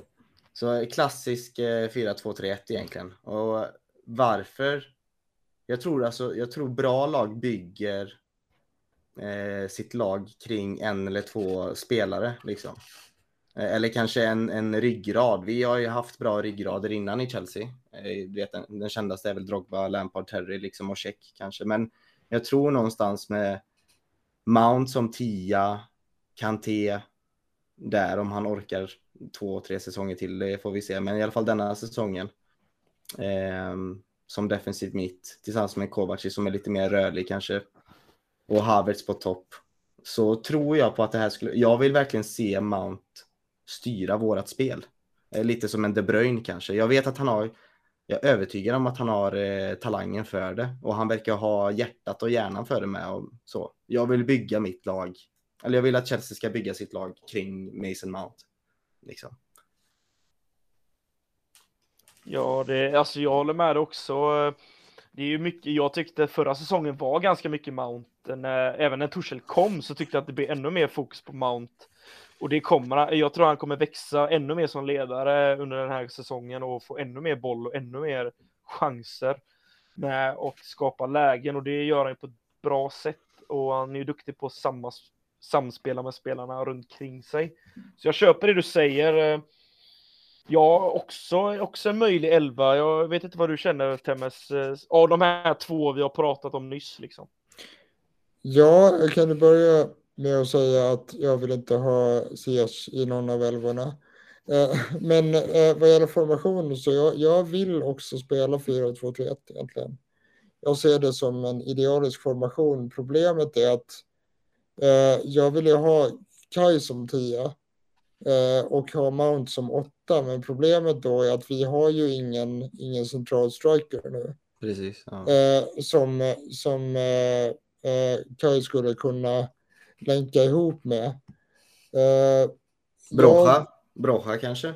Ja, Broja är, är ju liksom lovande, men, men jag ser inte att han är, han är färdig för att eh, bära hela vårt anfall. Eh, men det, det är han vi har liksom.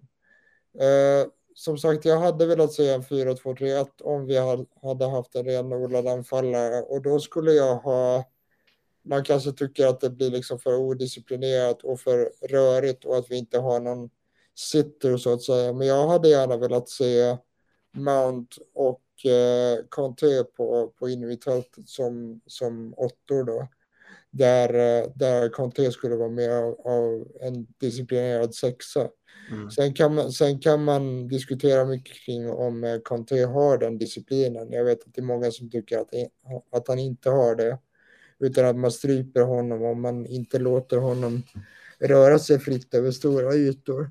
Mm. Men det är i alla fall så jag skulle vilja ha det. Jag skulle vilja ha eh, Mount och Contes eh, som åttor, Kai eh, framför dem eh, i en slags flytande roll som jag beskrev tidigare bakom en renodlad nia och sen skulle jag vilja ha ett nyförvärv på högerkanten där. Mm. Eh, till exempel eh, Leao då. Eh, och Patrik, har du någonting att fylla i där eh, rent krasst på älvorna? Nej, jag känner bara det viktigaste är att eh, vi spelar tydlig fotboll oavsett elva. Eh, ja. Att vi, ja, tydlig anfallsspel, tydlig försvarsspel. Det är väl det jag vill se mest egentligen. Men eh, det, tiden börjar ju springa förbi eh, lite. Jag tycker innan vi går över, vi går över till lite lyssnarfrågor och vi kan väl börja med Kristoffers där. Ja, eh, och det, vi har ju besvarat ganska många frågor under tiden och egentligen är det, som jag ser det, är det nog Kristoffers fråga som är kvar av de mm. jag har funnit. Och eh, för att runda av alla frågor och så vidare, för att knyta ihop det lite med hur framtiden ser ut. Vi har varit inne på förväntningar, vi har varit inne på transfers, vi har varit inne på ambitioner. Vi har fått in ganska mycket i det här avsnittet. Men en fråga också gällande kontrakten som vår nya poddkollega Kristoffer har noterat. Det är ju att vi har ett x antal spelare som kontrakt som går ut nästa säsong. Och jag tänker att spontant vad ni känner om detta för att avrunda både tittarfrågor men även poddavsnittet är att både Jorginhos, Kanté, Alonso, Barkley Michi Batshuayis kontrakt, Aspilicueta, Kennedy, Thiago Silva, Bettinelli och så Matt Miziaga, men han räknar inte jag riktigt in i. Men det är ett kontrakt som går ut också. Det är väldigt många spelare och vad, vad, vad tror ni om detta? Är det någonting vi måste oroa oss redan nu? För vi, ett praktexempel är ju Rudiger. Hur eh, en sån situation bara löpte ut. Mycket handlar ju givetvis om ägarbytet som gjorde att vi inte kunde förhandla med om kontrakt. Men vad, vad känner ni om det för att knyta ihop det lite här? Ja, det var väldigt många spelare där. Eh, men eh, spontant så känner jag så här att eh, jag hade gärna velat sälja Jorginho nu. Så jag tycker det är lite synd att det inte finns några rykten alls om det längre. Jag hade förlängt med Kanté, åtminstone ha honom som, som en rollspelare i i säg ett par säsonger till. Eh, jag vill gärna se både Aspi och eh, Alonso lämna. Ser gärna att vi öppnar dialogen med Barca gällande dem. Eh, Alonso tycker jag inte är tillräckligt bra helt enkelt och Aspi. Nej, vi har sett Aspis bästa dagar tyvärr. Han, eh, han ser tröttare och tröttare ut och håller inte den klass som han gjorde en gång i tiden. Så det är dags för båda de herrar att lämna. Och sen då Bartley, Kennedy och Miaska och de här ska ju bort. Eh, jag noterar att eh, idag så har Matt Miaska faktiskt transferlistats eh, enligt en del källor. Sen vad hade vi kvar där? Eh, hade vi någon kvar? Uh, nämnde du Thiago Silva? Thiago Silva, vi får se hur han presterar den här säsongen. Håller han samma nivå och inte visar tydliga tecken på att gå ner sig så kör en säsong till. Uh, utnyttja honom så länge han, uh, han spelar på den sky, skyhöga nivån han, han gör. Mm. Så summa summarum, förläng med Conte, sälj gärna Jorginho om vi får bud. Släpp Aspi, Aspilicueta, eh, Aspi och Alonso och sälj skräpet så fort det går. Vi får, vi får utvärdera eh, situationen med Thiago Silva framåt, framåt våren igen. Ja, jag håller med dig, men eh, Patrik, vill du få in någonting där som du kände att Temmes inte lyfte? Nej, det är väl eh, mest det här generella vad ska man säga, minihatet som finns mot Alonso bland många Chelsea-supportrar som är lite... Han blandar och ger. Ja, jag tycker han är, har varit en jättebra vänsterback för oss och vänsterytterback för oss eh, väldigt länge. Eh, och någon man kan räkna med. Visst att han har Alltså att han har låga lägstanivåer och högsta höjder, men det är alltså jag tycker han har varit mer stabil än ostabil. Liksom. Han har gjort mål, han har avgjort viktiga matcher. Han har ju fått lite hade han kanske haft lite mer jämnare nivåer så hade han nog haft lite Origi-status hos oss tror jag. För han har ju, okej okay, han har inte avgjort Champions League-finaler, men han har ju liksom, han gillar att dänga dit mot Tottenham och det älskar ju vi liksom. Eh, men gällande kontrakten så känner jag väl att Jorginho var jag väldigt, kände jag förra sommaren kanske att jag ville få bort. Nu med ett år kvar så jag såg ju någonstans att Billy Gilmore skulle komma och lära sig av pappa Jorginho liksom. Um, och sen Thiago Silva, så Jorginho vill jag gärna ha kvar. När det kommer till Thiago Silva så tror jag att det är bra för Koulibaly om han stannar. Um, Koulibaly har alltid haft någon äldre jämte sig. Han har ju haft han eh, Manolas. Och sen hade han ju han... Uh, han har även haft uh, Albiol. Albiol, ja precis. Han har alltid haft en pappa jämte sig. Liksom. Han har alltid haft någon en inte, alltså någon, någon som kan eh, ja, vara där och lära honom. Nu vet jag inte, nu måste ju han ju skolas in i Premier League och jag tror Thiago Silva är den bästa lärare man kan ha. Eh, så det kanske, det kanske bara är säsongen ut då, som sagt. Men jag vet inte om vi ska förlänga, vi får se. Men för Koulibalys skull så är det bra att han är i våran klubb. Mm. Ja, jag, jag håller med om det du säger och jag tycker det är lite roligt med Alonso. Det är alltid när jag hatar honom som mest, då gör han mål och presterar på en nivå som jag inte kan säga ja. någonting emot. Och sänker han Tottenham, då gör han det där förpaskade målet som gör att man bara, ja men det, det är en okej okay mittback offensivt, defensivt. Ja, där har mm. han brustit en del. Men eh, överlag så tycker jag att ni har ringat in det bra och jag vill bara säga tack till alla som har varit med, alla frågor vi har fått och roligt engagemang och det här är en helt ny sak för oss. Mm. Och ni får gärna kommentera vad ni tyckte, vad som kan förbättras. Vad tyckte ni? Var det, var det roliga, intressanta ämnen? Vad, vad, vad, tyckte ni helt enkelt? Och jag vill både tacka Temmes, eh, Viktor och även Patrik som jag har varit med och dratt ihop detta med. Och det har varit jätteroligt och jag vill tacka för allt och hoppas att vi syns så här igen på en livepodd. Men eh, jag lämnar över till eh, Patrik för avslutande ord innan vi stänger ner den här streamen. Jag, tänkte, jag tyckte du avslutade det här riktigt bra eh, Linus. Men, nej, men vi, som sagt, vi vill tacka för att ni har lyssnat och att även om ni lyssnar live eller i efterhand så tycker vi det är jättekul att ni är en del av detta. Och sen, precis som Linus sa, så hoppas vi att ni kan komma in med lite kommentarer om vad ni tyckte och hur vi kan förbättra oss och hur ni skulle vilja uppleva den här podden och även livepodden på eh, nya sätt i framtiden. Så det är bara att höra av sig. Um, det är ju supporterföreningen eh, Chelsea Supporter Sweden då som står, står bakom denna podden. Um, det är, man kan stötta oss på massa olika sätt. Liksom, det är bara att följa oss på sociala medier. Eh, gå in på Svenska fans, läs, eh, kommentera i The Shed. Eh, det är viktigt att ni stöttar oss i, i föreningen och det uppskattas. Liksom. Och vi ska ta krafttaget till att ta föreningen till nya nivåer också. Eh, I övrigt så rekommenderar jag då som vanligt att gå in på vår svenska fansida eh, som är www.svenskafans.com England Chelsea. Eh, där kan man läsa artiklar, matchrapporter, krönikor och info om eh, supporterklubben, medlemsresor och så vidare. Man kan även bli medlem i CSS. Nu vet jag inte om det är för sent, om det kanske har varit redan sista anmälningsdag. Men eh, det har ju vår ordförande Daniel superkoll på. Det är kanske någon mer som har det här i podden. Ja, det ska nog inte vara för sent tror jag inte. Det Nej, okej. Okay. Nej, jag trodde det var, det var någon så sista dag-grej innan säsongen började. Men jag är osäker, men som sagt, vi har Donny som är en klippa och har koll på det mesta, så att det, det tror jag. Ja. Jag är tämligen säker på att, på att man fortfarande kan bli medlem ett tag till. Ja. Bra. Men uh, roska på. Så skynda in er och bli medlemmar och tack för att ni um, ja, det är liksom viktigt att vi får in medlemmarna för att också behålla vår platinastatus som vi har då.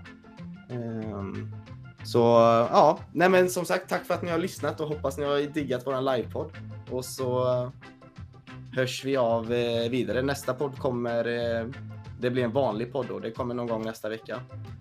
Så då hoppas jag att ni lyssnar igen. Så eh, tack för oss. Och tack till våra gäster också. Tack till dig Fredrik. Hur kändes det att vara med i livepodd förresten?